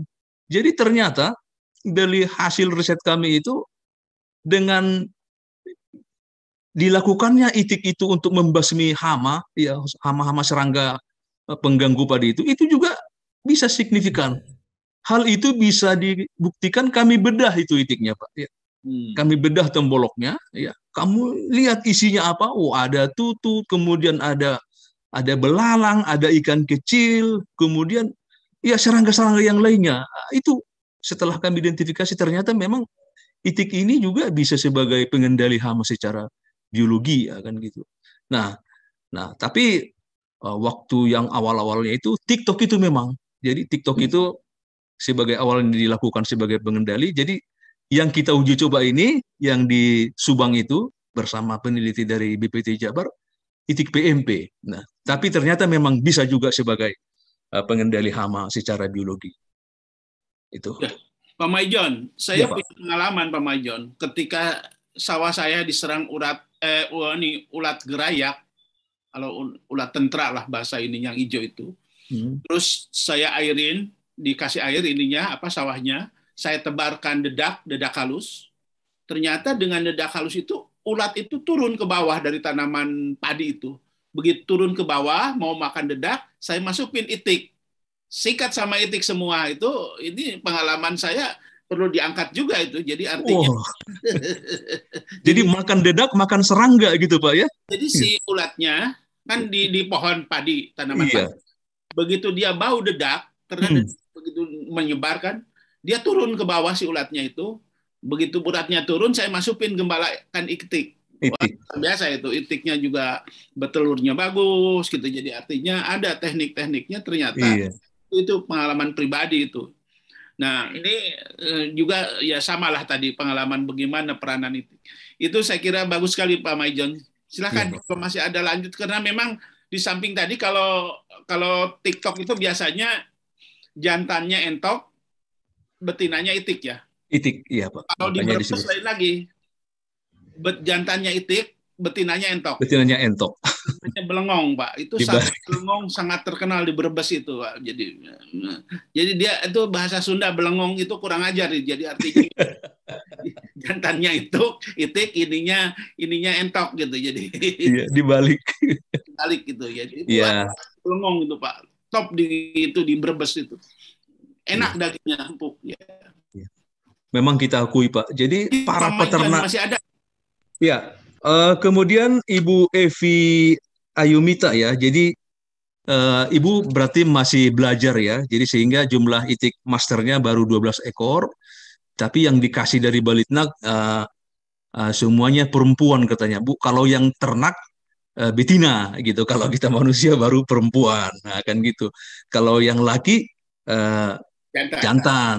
Jangan disebut itik itik pria misalnya gitu. Nah, kebetulan itu apa namanya eh, itiknya saya bagi-bagi buat pesantren-pesantren gitu. Jadi Oh iya iya iya. kebagian. Tapi saya jelaskan dulu Bu. Jadi yang itiknya yang namanya itik master itu adalah sudah final stock ya. Hmm. Final stock artinya ibu jangan kawinkan dengan dari jenis lain. Misalnya Muyosari atau Alebio jangan itu tidak kita rekomendasikan itu karena apa? Itu sudah berbeda nanti. Nanti eh, ahli genetik ya bisa eh, ini nanti tersinggung itu. Karena apa? Pernah pengalaman ya kita mengintroduksi itik master ke Banten gitu ya, ke Pandeglang. Jadi rasa pengen tahunya si peternak ini tinggi sekali. Tapi udah kita wanti-wanti jangan dikawinkan disilang dengan itik yang ada di sini nih, itik lokal di sini. Karena ini sudah itik final stock. Tapi kalau jantannya sama dengan master itu no problem. Silahkan saja. Tapi kalau sudah dari galur yang lain itu tidak bisa namanya juga sudah itik final stock kan gitu. Nah, dicoba-coba dengan itik lokal yang ada di daerah Pandeglang itu. Sehingga muncullah DUD-nya itu dipelihara yang kakinya tidak sama panjangnya, jalannya juga sudah nggak normal, kemudian pada pengkor, wah penampilannya sangat jelek sekali gitu. Nah, itu akibatnya. Jadi sehingga kalau ibu perlu jantan yang sama, misalnya master, kontak kita aja Bu ke Balit Ciawi, ya, kontak kita ke Balit Ciawi sehingga nanti kita bisa kasihkan gitu. Nah, kemudian lebih jauh lagi, kalau ini misalnya ibu ingin memperbanyak menghasilkan itik master, ibu bisa pelihara dari itik alabio dan itik mojo master. Yang jantannya mojo master, yang betinanya nanti itik alabio. Nah, itu kalau dipelihara, terus kawin, menghasilkan telur, nanti kalau ditetaskan itu hasilnya adalah itik master gitu. Jadi jangan disilang ya Bu ya, jangan di jangan dilakukan aja. Gitu. Iya, makanya kan ini Pak kan itu kan master kan dari Alabiu sama Mojosari. Makanya saya bingung ini jantannya gimana soalnya pondok-pondok yang saya kasih itu juga pada nanyain gitu Ya, loh. ya. Jadi itu Tapi bagus itu Bu mereka bertanya dan tidak langsung dilakukan seperti yang halnya di Pandeglang itu gitu. Ya. Pak Marjon, Yap. Pak Marjon. Kalau pakan dari kelapa sawit apa yang kita ambil, Pak? Kalau pakan dari Kelapa sawit. Oh, bungkil inti sawitnya, Pak. Nah, Bungkil jadi inti bungkil, sawit, Pak, ya? bungkil inti sawit itu juga itu bisa sebagai salah satu bahan pakan itik ya. Karena kita tahu memang kan produk bungkil inti sawit di negara kita ini ya cukup berlimpah ya, apalagi sekarang kita sudah di urutan nomor satu ya, Iya, ya untuk ya untuk kebun sawit. Nah ini juga di Kalimantan Tengah itu yang ada Pak Parmin, kami juga sudah menelusuri ke sana Pak untuk eh, kebun sawit itu. Eh, kebetulan di kami ini ada peneliti kami juga senior kami Profesor Arnold. Ya, melalui beliau nanti untuk bisa nanti salah satu upaya kita supaya bahan-bahan pakan lokal yang ada di Kalimantan Tengah khususnya di Desa Belantisiam ini bisa termanfaatkan secara optimal. Tadi sudah diceritakan Pak Parmin eh, magot sudah ya, tapi kita rekomendasikan baru ya, sedikit. Jadi hanya 3 kilo dari 10 kilo atau hanya satu persen gitu. Nah, itu Ibu Evi. Kemudian kami lanjut ke Pak Priyono Malang, ya Pak Priyono. Jadi sudah disinggung juga oleh senior kita, ya Pak Mehmet Gunawan. Itulah hal-hal yang dihadapi oleh para peternak itik di lapangan itu. Ya, kami juga pernah mengalami di Kerawang, ya sehingga ini Pak Mulyono karena dia sesepuhnya orang Kerawang sehingga bisa di apa namanya itu intermediate. Jadi kami hanya sebentar menumpang di salah satu pemeliharaan, tapi kita sudah bangun kandang. Nah itu juga menjadi uh, persoalan sehingga begitu kita pindah itik tersebut tidak ada lagi menjadi masalah. Dan memang sudah diatur oleh pemerintah dalam hal ini Dirjen uh, Peternakan ya bahwa ada jarak-jarak tertentu lokasi untuk pemeliharaan itik. Jadi jangan berdekatan dengan pemukiman. Karena seperti yang dibilang oleh Pak Mehmet Gunawan tadi, ada dua hal faktor penyebab. Yang pertama adalah bau daripada kotoran dari sada itik tersebut. Kemudian suaranya memang polisi suara. Ya, jadi itu faktornya. Jadi sehingga carilah lahan yang jauh dari pemukiman. Mungkin ini yang dilakukan oleh Pak Ruli tadi. Makanya di Subang barangkali ada lokasi yang jauh dari pemukiman sehingga dia uh, nyaman untuk melaksanakannya di sana. Nah, penelitian-penelitian bagaimana untuk uh, mengurangi bau barangkali mungkin sudah sudah ada yang melakukannya ya dengan menggunakan alat ya, ya IPB juga sudah melakukan ini tapi kalau di lapangan ya pengalaman yang saya hadapi dan yang saya anjurkan ke peternak di lapangan itu kan berlimpah itu sekam ya berlimpah sekam ya sekam itu adalah salah satu bahan yang paling baik untuk menyerap amoniak yang dikeluarkan oleh si itik tersebut jadi kalau rajin, ya sekali seminggu ditambah, kemudian ditutup lagi. Kalau baru nanti udah jarak satu bulan baru dibongkar lagi. Nah itu kan dimanfaatkan juga jadi pupuk. Dengan cara seperti itu, itu sudah sangat mengurangi bau. Ya. Nah pernah juga saya lakukan itu di, di kandang kami ini. ya Saya undang profesor saya dari BB itu mengunjungi kandang itik yang saya lakukan penelitian. Nah komentar profesor pembimbing saya itu kok itik kandang kamu di sini nggak bau ya? Iya bu, karena saya akali seperti ini. Jadi sebenarnya bagaimana kita mensiasatinya di lapangan kan gitu. Jadi sehingga bau amoniak yang dikeluarkan dari uh, kotoran maupun feses yang dari itik itu itu bisa kita handle kan gitu. Gitu. Kemudian uh, salah satu juga siasatnya itu adalah jangan terlalu padat populasinya dalam kandang tersebut itu juga menjadi harus perhatian. Tadi kita sudah ceritakan ya kalau untuk periode starter berapa ekor per meternya eh per ya per meternya periode grower berapa dan layer berapa gitu. Jangan melebihi seperti itu. Itu juga sangat menyumbang uh, selain untuk kesehatan si itik juga untuk bau itu gitu. Kemudian ada lagi Pak Supriyono tadi Malang tadi Pak Supriyono uh, saya memberi informasi bahwa kalau Bapak mungkin bisa telusuri sampai ke Blitar, lokasinya di Desa Ponggok, di Desa Ponggok, itu ada Pak Haji Mahmudi, ya Haji Mahmudi, itu kita pernah dulu kolaborasi di tahun 1999 sampai dengan 2003 kalau nggak salah itu. Beliau itu adalah salah satu peternak itik yang sangat sukses di Desa Ponggok, Kabupaten Blitar itu. Karena apa? produksi telurnya itu sudah sampai ke mana-mana itu, ya, sudah sampai ke mana-mana. Nah, dan dia itu juga sudah mengelola dari hulu sampai ke hilir, sampai kooperasi juga di sana sudah ada. Nah, memang uh, dulu dia di awalnya itu di pakannya itu juga, tapi setelah dia menemukan ya sumber-sumber bahan pakan yang ada di Jawa Timur itu, khususnya dari Surabaya, ya, sampai dia ke Surabaya ke pelabuhan itu, dia sudah punya jaringan di sana bagaimana untuk mendapatkan beras yang rusak, ya. Kemudian tepung ah, roti yang rusak, indomie yang rusak, eh, itu semua dikelola dengan dia sehingga apa? Dengan melalui pendekatan teknologi pakan yang dilakukan oleh dia itu sehingga harga pakan per kilonya itu bagi dia itu jadi turun gitu, tidak semahal harga yang pakan komersil. Mudah-mudahan Pak Ruli tadi kan pakan komersil katanya karena dia belum ini boleh Pak nanti kita kolaborasi Pak untuk pakan itu nanti ya dengan ya ke depannya itu. Itu Boleh, Pak Pak Supriyon Pak Supriyono. Kemudian kalau jaringan termasuk jaringan tadi Pak, jaringan pemasarannya itu Pak Haji Muhammad itu sudah sangat luar biasa. Dan dia juga orangnya sangat sosial, ya, sangat sosial. Sehingga kita salut dengan beliau itu. Kemudian Pak Joko Joko Wardi ya Sumeneb ya Oh, terima kasih Pak. Bapak berarti juga salah satu ya penggemar untuk pemeliharaan itik dengan ada anggotanya. Nah, jadi memang saran kami Pak ya, Bapak juga memang harus jeli melihat potensi-potensi bahan pakan lokal yang ada di Sumeneb itu, Pak. Ya.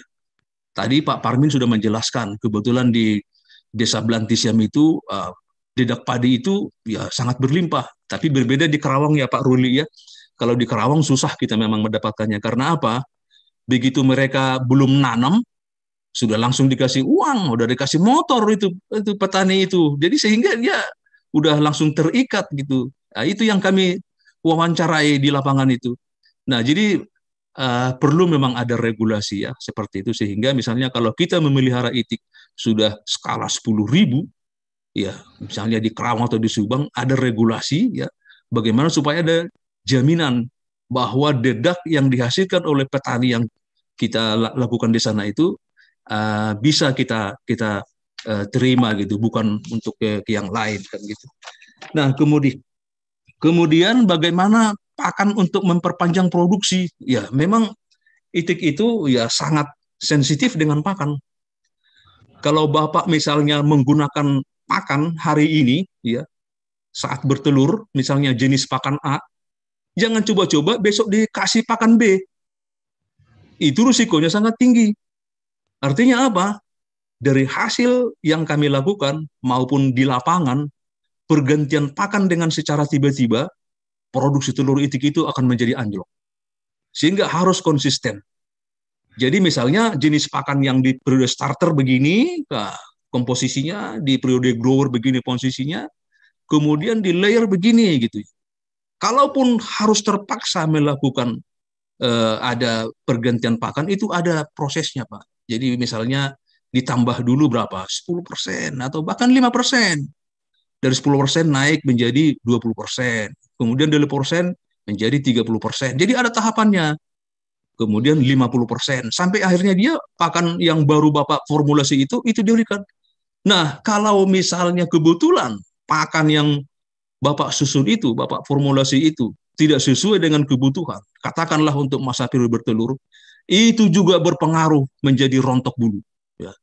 Makanya kalau rontok bulu itik, itu jangan diharap produksi telurnya tinggi. Nah, rontok bulu ini juga sudah saya lakukan Pak penelitian ini di Balitnak ini. Nah, rontok bulu itu bisa mencapai sampai 100 hari. Ya. 90 sampai 100 hari. Coba Bapak perhitungkan.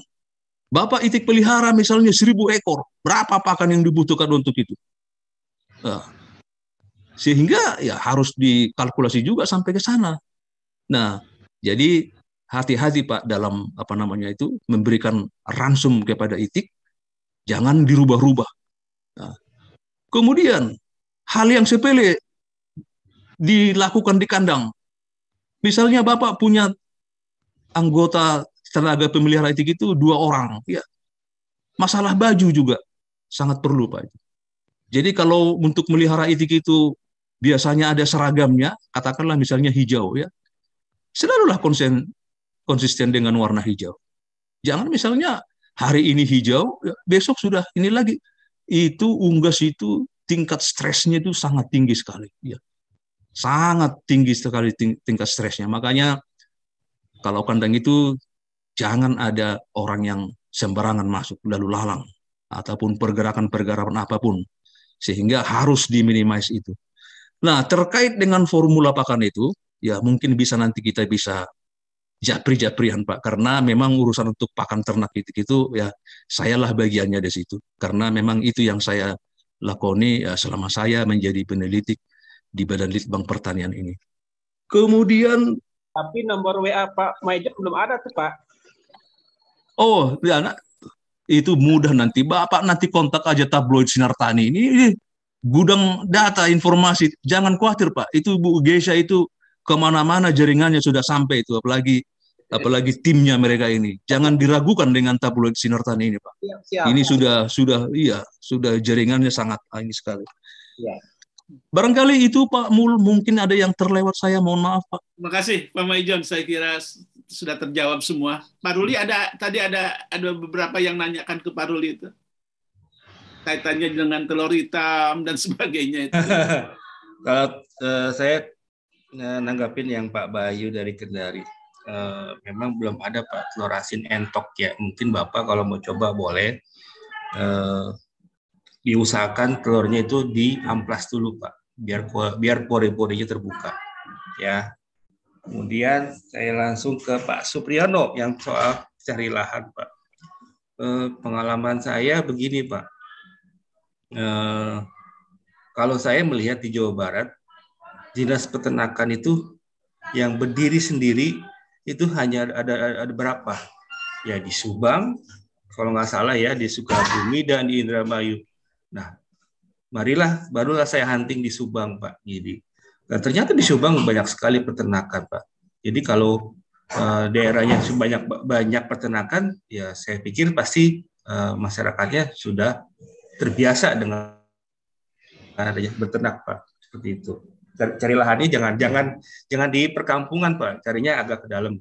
Nah kalau yang saya punya itu kurang lebih hampir 900 meter Pak dari rumah penduduk, gitu, Pak. Jadi hampir hampir satu kilo.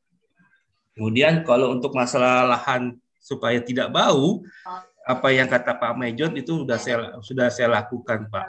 Yaitu saya pakai sekam kering, ya, pakai sekam kering dan kemudian eh, saya minumnya saya rubah lagi Pak minumnya.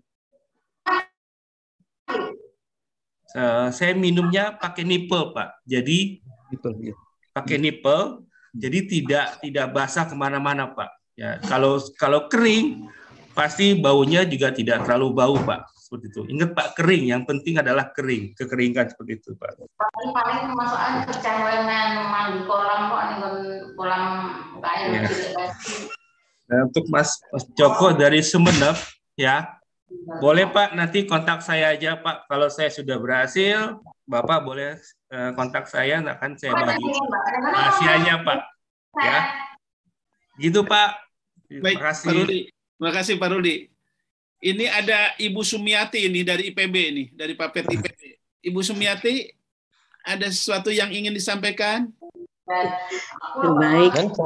Baik Bapak, terima kasih. Assalamualaikum warahmatullahi wabarakatuh. Waalaikumsalam. Saya hormati Pak Mulyono, Pak Mehmet, Pak Maijon, kawan lama. Tadi pembicara Pak sumber Pak Ruli dan Pak Parmin. Saya senang sekali bisa bergabung dan mendapatkan informasi tentang peternakan ini eh, peternakan itik saat ini. Iya, oke. Terus kebetulan eh, saya pernah keliling selama 10 tahun diajak oleh Kementan jadi ceritanya tim juri gitu ya. Untuk eh, apa eh, agribisnis eh, peternakan termasuk itik ya jadi keliling sampai ke Kalimantan ke mana gitu ya ke ya, ya ke semua pulau lah ke semua provinsi.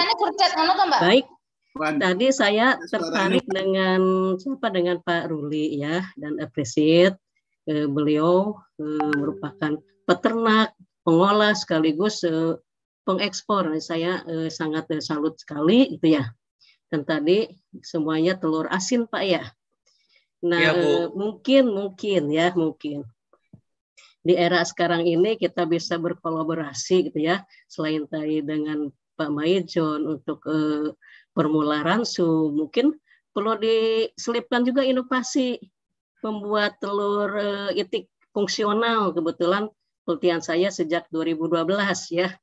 Jadi telur itik tinggi omega 3, misalnya telur itik tinggi mineral ZN dan sebagainya itu bisa kita rekayasa dari pakan gitu ya. Mungkin itu mungkin akan lebih menjual lagi apalagi untuk ekspor gitu ya. Hmm. Dan eh, di saat pandemi ini lebih ini lagi lebih lebih dipromot lagi bahwa kita kan harus eh, apa atau dianjurkan eh, memakan apa suplemen seperti vitamin E, vitamin D, nah itu mungkin bisa dimasukkan ke dalam telur sebetulnya gitu ya direkayasa. Hmm. Pak Maijon juga saya kira eh, bisa ya satu ilmu ya merekayasa ini permularan sum. Barangkali itu Bapak jadi eh, kalau melihat begini cerah gitu ya, cerah peternakan itik ya, walaupun tidak sepesat uh, ayam ras gitu ya. Dan tadi yang disebutkan oleh Pemaijon seperti Pak Haji Mahmudi benar-benar sudah sudah kelama besar sekali ya Pak ya dan yeah. uh, mempunyai pakan pabrik pakan milik dan segala macam sehingga yeah. dari hulu sampai hilir dikuasai gitu ya. Yeah. Dan merembet ke sekitarnya gitu kan banyak Betul. anggotanya yang punya banyak itik. Mudah-mudahan masih eksis sekarang itu ya. ya. Ya. Baik, itu saja mungkin Pak Mulyono. Terima kasih banyak. Ya, Terima kasih, Bu. Saya dari Fakultas Peternakan IPB. Bu, Terima mau saya kasih. tanya, tanya Bu, apa Ya. sudah ada juga Ibu meneliti tentang kandungan anu tambahan untuk Fe atau zinc gitu Bu? Karena memang Ya, eh, masalah stunting ini kebetulan sejak 2012 eh, kami mendapat dana hibah ya setiap tahun ya untuk mengutak-ngatik ini Pak telur bagaimana telur itik jadi eh, ini ber apa meningkat eh, value-nya value-nya gitu kan ditakuti katanya kolesterol tinggi itu ya sehingga kami mencoba eh, membuat telur itik yang kandungan omega 3 tinggi tapi seimbang dengan eh, omega omega 6. Jadi ada rasio yang disarankan oleh WHO bahwa pangan yang sehat rasio omega 3 terhadap omega 6 itu satu banding 4 sampai satu banding 10. Nah, kami dekati dan alhamdulillah dan eh, patennya sudah keluar sih Pak. Ya. Seperti itu sehingga kita tidak takut lagi mengkonsumsi telur itik gitu karena ada obatnya kolesterol yaitu omega 3 gitu Pak. Ternyata omega 3 ini bisa menurunkan kolesterol di darah kita Iya. gitu kan. Betul. Itu Oke. salah satunya. Tinggi ZN juga sudah ini Pak sudah eh, ada gitu Pak ya. Ya berbagai ya berbagai inovasi kita lakukan baik terhadap telur itik, telur ayam maupun telur puyuh gitu Pak. Puyuh, iya. Pada dasarnya eh, sama Pak kan eh, telur karakteristiknya eh, sama jadi bisa direkayasa dari apa dari pakannya. Ya. Terima kasih Bapak. Terima kasih Bu. Warahmatullahi wabarakatuh. Waalaikumsalam. Waalaikumsalam. Luar biasa ini. Jadi nambah lagi nanti Pak Maijon, Pak Ruli, kita berinovasi lagi untuk telur ini sehingga orang tidak takut makan telur itik terutama terutama takut kolesterol dan ini Iya, iya. saya kira kalau tidak ada lagi mungkin Pak Mas Parmin ada yang mau ditambahkan Mas Parmin Cukup Pak, terima kasih Pak. Pak Maijon cukup Pak Ruli Saya nambahin yang Bu Sumiati ya. Eh, memang klorasin ini eh, belum terlalu banyak variasinya Bu ya. Ya kalau ibu usul ibu itu bagus sekali Bu. Mungkin bisa kita kolaborasi, bisa kita kerjasama pengembangan. eh, dulu tuh ada yang pernah bikin telur asin herbal. Ya, saya nggak tahu itu siapa, tapi ya itu idenya itu bagus Bu. Tapi saya saya tambahin juga kasih informasi Bu ya. Eh, di kalau di luar negeri itu telur asin kebanyakan adalah eh, orang Asia yang makan ya. Hmm. Ya. Terus eh, permintaannya sebenarnya banyak, Pak. Di kayak di Amerika. Amerika juga punya punya bebek, Pak. Tapi tidak bisa dibuat telur asin. Karena rasanya nggak enak. Ya. Punya bebek. Amerika punya bebek sendiri loh. Ini Pak Mejon tahu rasnya apa saya juga nggak ngerti. Tapi mereka coba tapi tidak seenak bebek yang di Asia. Makanya mereka itu impor, Pak. 100% murni impor telur asin dari Tiongkok, dari Vietnam, ya, itu semua impor telur asin. Ya. Yang yang yang butuh kita kolaborasi untuk eh, peternakan bebek telur adalah di telur asin dan bentuknya adalah di pengolahan. Pengolahan jadi telur asin yang yang banyak beredar di Eropa, Amerika, di Jepang dan di Australia itu telur asin adalah yang berbentuk vakum. Nah, kalau telur asin di vakum itu bisa kuat satu tahun bu umurnya matang. Jadi ready to eat. Ya, setelah, di- itu setelah, setelah dimasak ya telurnya setelah setelah dimasak pak. Di Ya. vakum. Eh, Bayangin satu eh, satu tahun expirednya.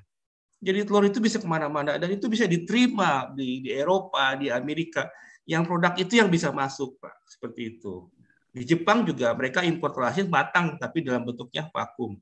Umurnya eh, 12 bulan pak, expirednya. Nah itu tantangan kita pak. Nah kalau kita sudah kuasain ilmunya, packingnya, overproduksi itu nggak akan eh, masalah buat kita. Kita akan vakum, kita bisa- kirim ke mana saja. Ya, walaupun walaupun negara eh, di Indonesia belum bebas flu burung, tapi kalau dalam bentuk vakum, ready to eat, itu bisa Hmm. lolos seperti itu. Itu peluangnya bu.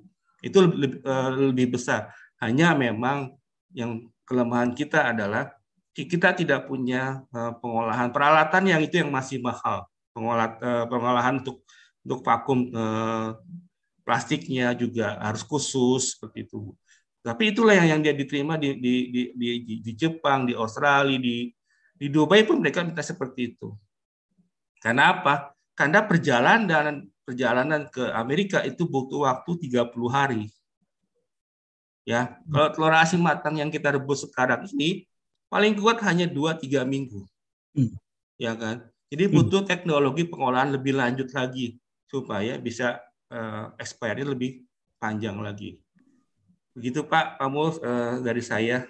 Iya. Ya. Nambah lagi nih kita uh, inovasi tantangan Bu Sumiati, Pak Maijon ini uh, ternyata memang pasar uh, begitulah kondisi pasar sangat sangat dinamis. Jadi tentunya kalau inovasi kita tidak terus berkembang, tidak ber, tidak mengikuti uh, sesuai permintaan pasar, kita akan tertinggal. Terus, terus kita persaingan di dunia paling kita jadi jago kandang saja gitu di Betul, Pak. Saya yang yang saya khawatirkan ini Pak Mul.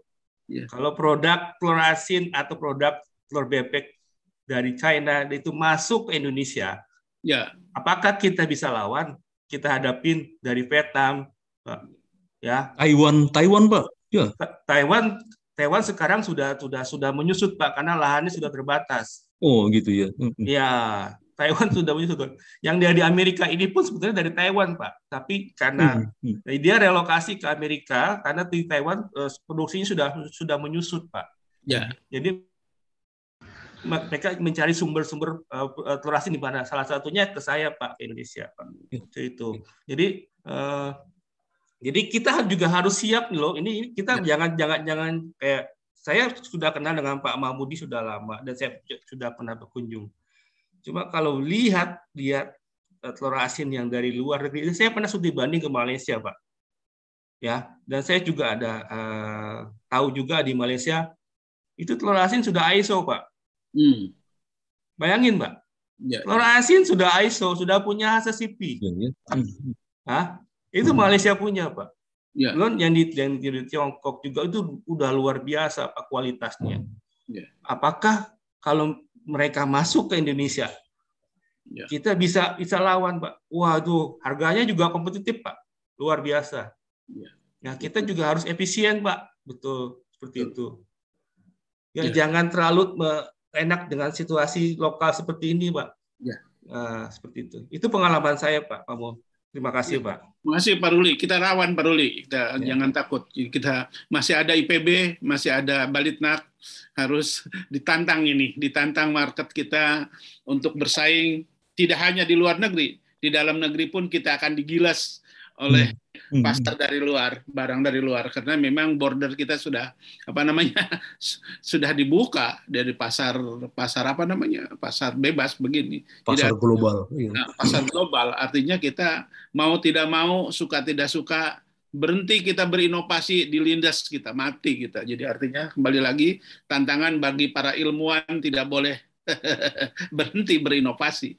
Makasih Pak Ruli ini luar biasa. Jadi tambahan Pak Maijon makasih Pak Mas Parmin Ibu Sumiati dan teman-teman semua jadi sekali lagi eh, luar biasa forum hari ini kita mungkin tidak hanya sekarang nanti kita juga akan coba diterbitkan di tabloid, di paper dan di uh, sinartani.com. Nanti kita juga akan menerima masukan dari teman-teman di lapangan. Ini biasanya mungkin biasanya peserta kami mendekati angka 1000 ini cuman tadi sebentar sampai 300 saja. Nanti mungkin saya kira satu saat ini akan berkembang lagi.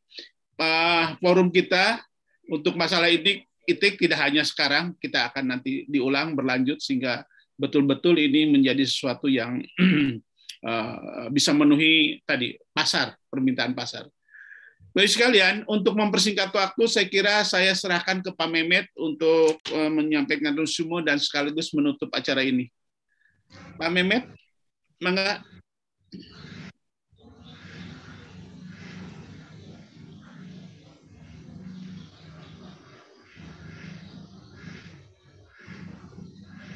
Silahkan Pak Mehmet. Ya, terima kasih Pak Mol. Terima kasih banyak eh, para pembicara, para narasumber. Ini yang pertama kali kita bicara soal telur asin ya. kita pernah bicara tentang peternakan, uh, masih tentang ayam dan tentang pakan, tapi tentang bebek ini baru yang pertama kali. Saya kira walaupun di sini partisipannya cuma uh, sekitar 300, tetapi biasanya sekarang semakin banyak yang beralih ke YouTube dan uh, TV Tani ya. Jadi saya kira kita masih punya banyak penonton di sini. Bapak Ibu sekalian, kalau saya boleh resumekan, ini masalah bebek dan olahannya itu ini adalah satu kesempatan di mana yang lain itu sudah banyak berkembang dan kita punya banyak cuma sedikit waktu untuk bisa segera tampil di sana ya. Jadi waktunya tidak banyak. Mudah-mudahan yang sedang kita laksanakan ini dilaksanakan oleh para pengusaha uh, bebek ini bisa segera menyusulnya ya. Uh, dari yang saya dengar tadi, yang saya catat, usaha bebek ini memang tidak tidak gampang ya, karena di situ ada kaitan antara masalah bibitnya, masalah pakannya, dan masalah manajemennya. Dan yang paling kita Eh, menjadi masalah buat kita itu adalah pakannya itu begitu tinggi persentasenya ya. Jadi eh, teknologi pakan di sana kita harus betul-betul eh, kita kejar sehingga kita bisa memberikan pakan yang efisien sehingga menguntungkan bagi eh, para pengusahanya. Akan tetapi itu tidak hanya masalah pakan yang harganya tinggi tetapi juga disampaikan tadi bahwa untuk memperoleh pakan, untuk memperoleh peralatan dan sebagainya itu juga tidak mudah.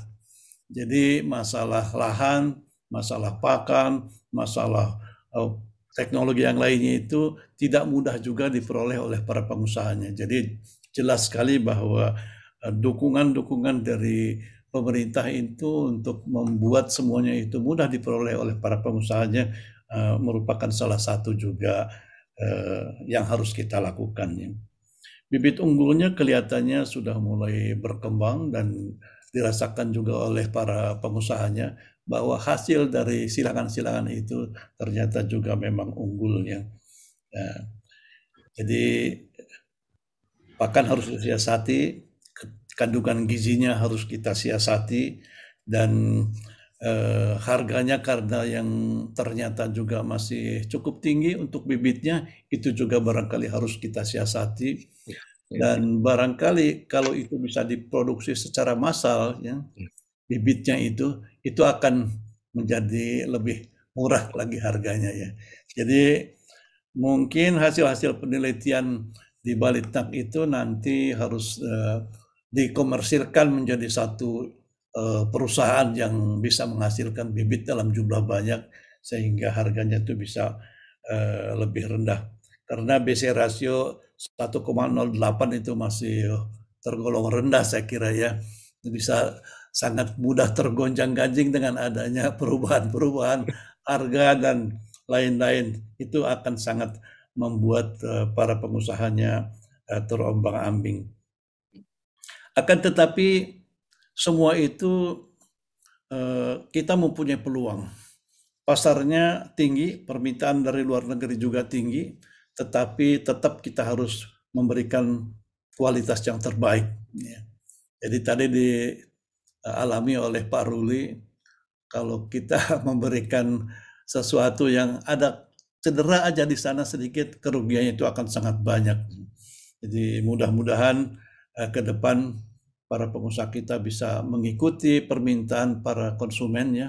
Para konsumen di kita barangkali tidak terlalu rewel ya, tetapi kalau ke luar negeri uh, oh, kali kita ditolak ya semuanya disuruh dibawa pulang. Dan itu suatu biaya tersendiri juga yang harus ditanggung oleh pengusaha.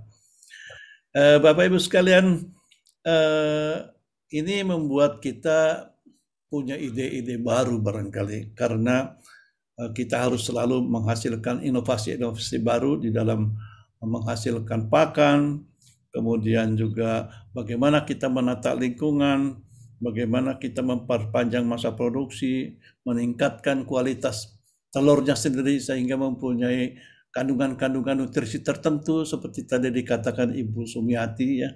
Dan uh, kalau di tempat lain saya yang pernah kita lihat memang yang namanya sentra-sentra produksi peternakan itu terutama unggas yang itu ada di satu lokasi tertentu. Barangkali itu juga terkait dengan masalah-masalah polusi dan sebagainya sehingga tidak mengganggu yang uh, lingkungan penduduk ya sehingga uh, sentra produksi itu ada di satu lokasi yang tertentu. Inilah inovasi-inovasi yang akan kita selalu kembangkan untuk bisa meraih manfaat yang terbesar dari peternakan bebek kita. Bapak Ibu sekalian, eh, kita sudah mendapatkan informasi yang sangat baik dari Pak Maijon, kemudian Pak Ruli dan Pak Parmin ya. Tadi sudah dipimpin diskusinya oleh Pak Mulyono dengan sangat baik ya. Penanya-penanya juga kalau kita lihat dari kualitas pertanyaannya, ini adalah pertanyaan-pertanyaan yang sangat berkualitas. Ya. Jadi masukan bagi kita, masukan bagi para peneliti kita, uh, mudah-mudahan ke depan itu bisa menjawab apa yang diinginkan oleh para penanya kita.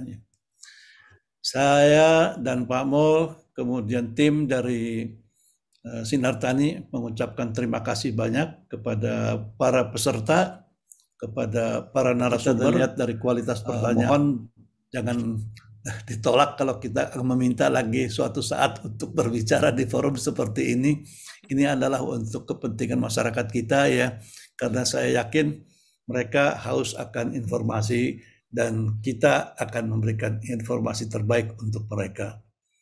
Untuk itu, dalam kesempatan terbaik ini, kita terima kasih kepada semua dan mari kita sama-sama tutup acara kita dengan mengucapkan hamdalah dan alhamdulillahirrabbilalamin. Wassalamualaikum warahmatullahi wabarakatuh. Waalaikumsalam.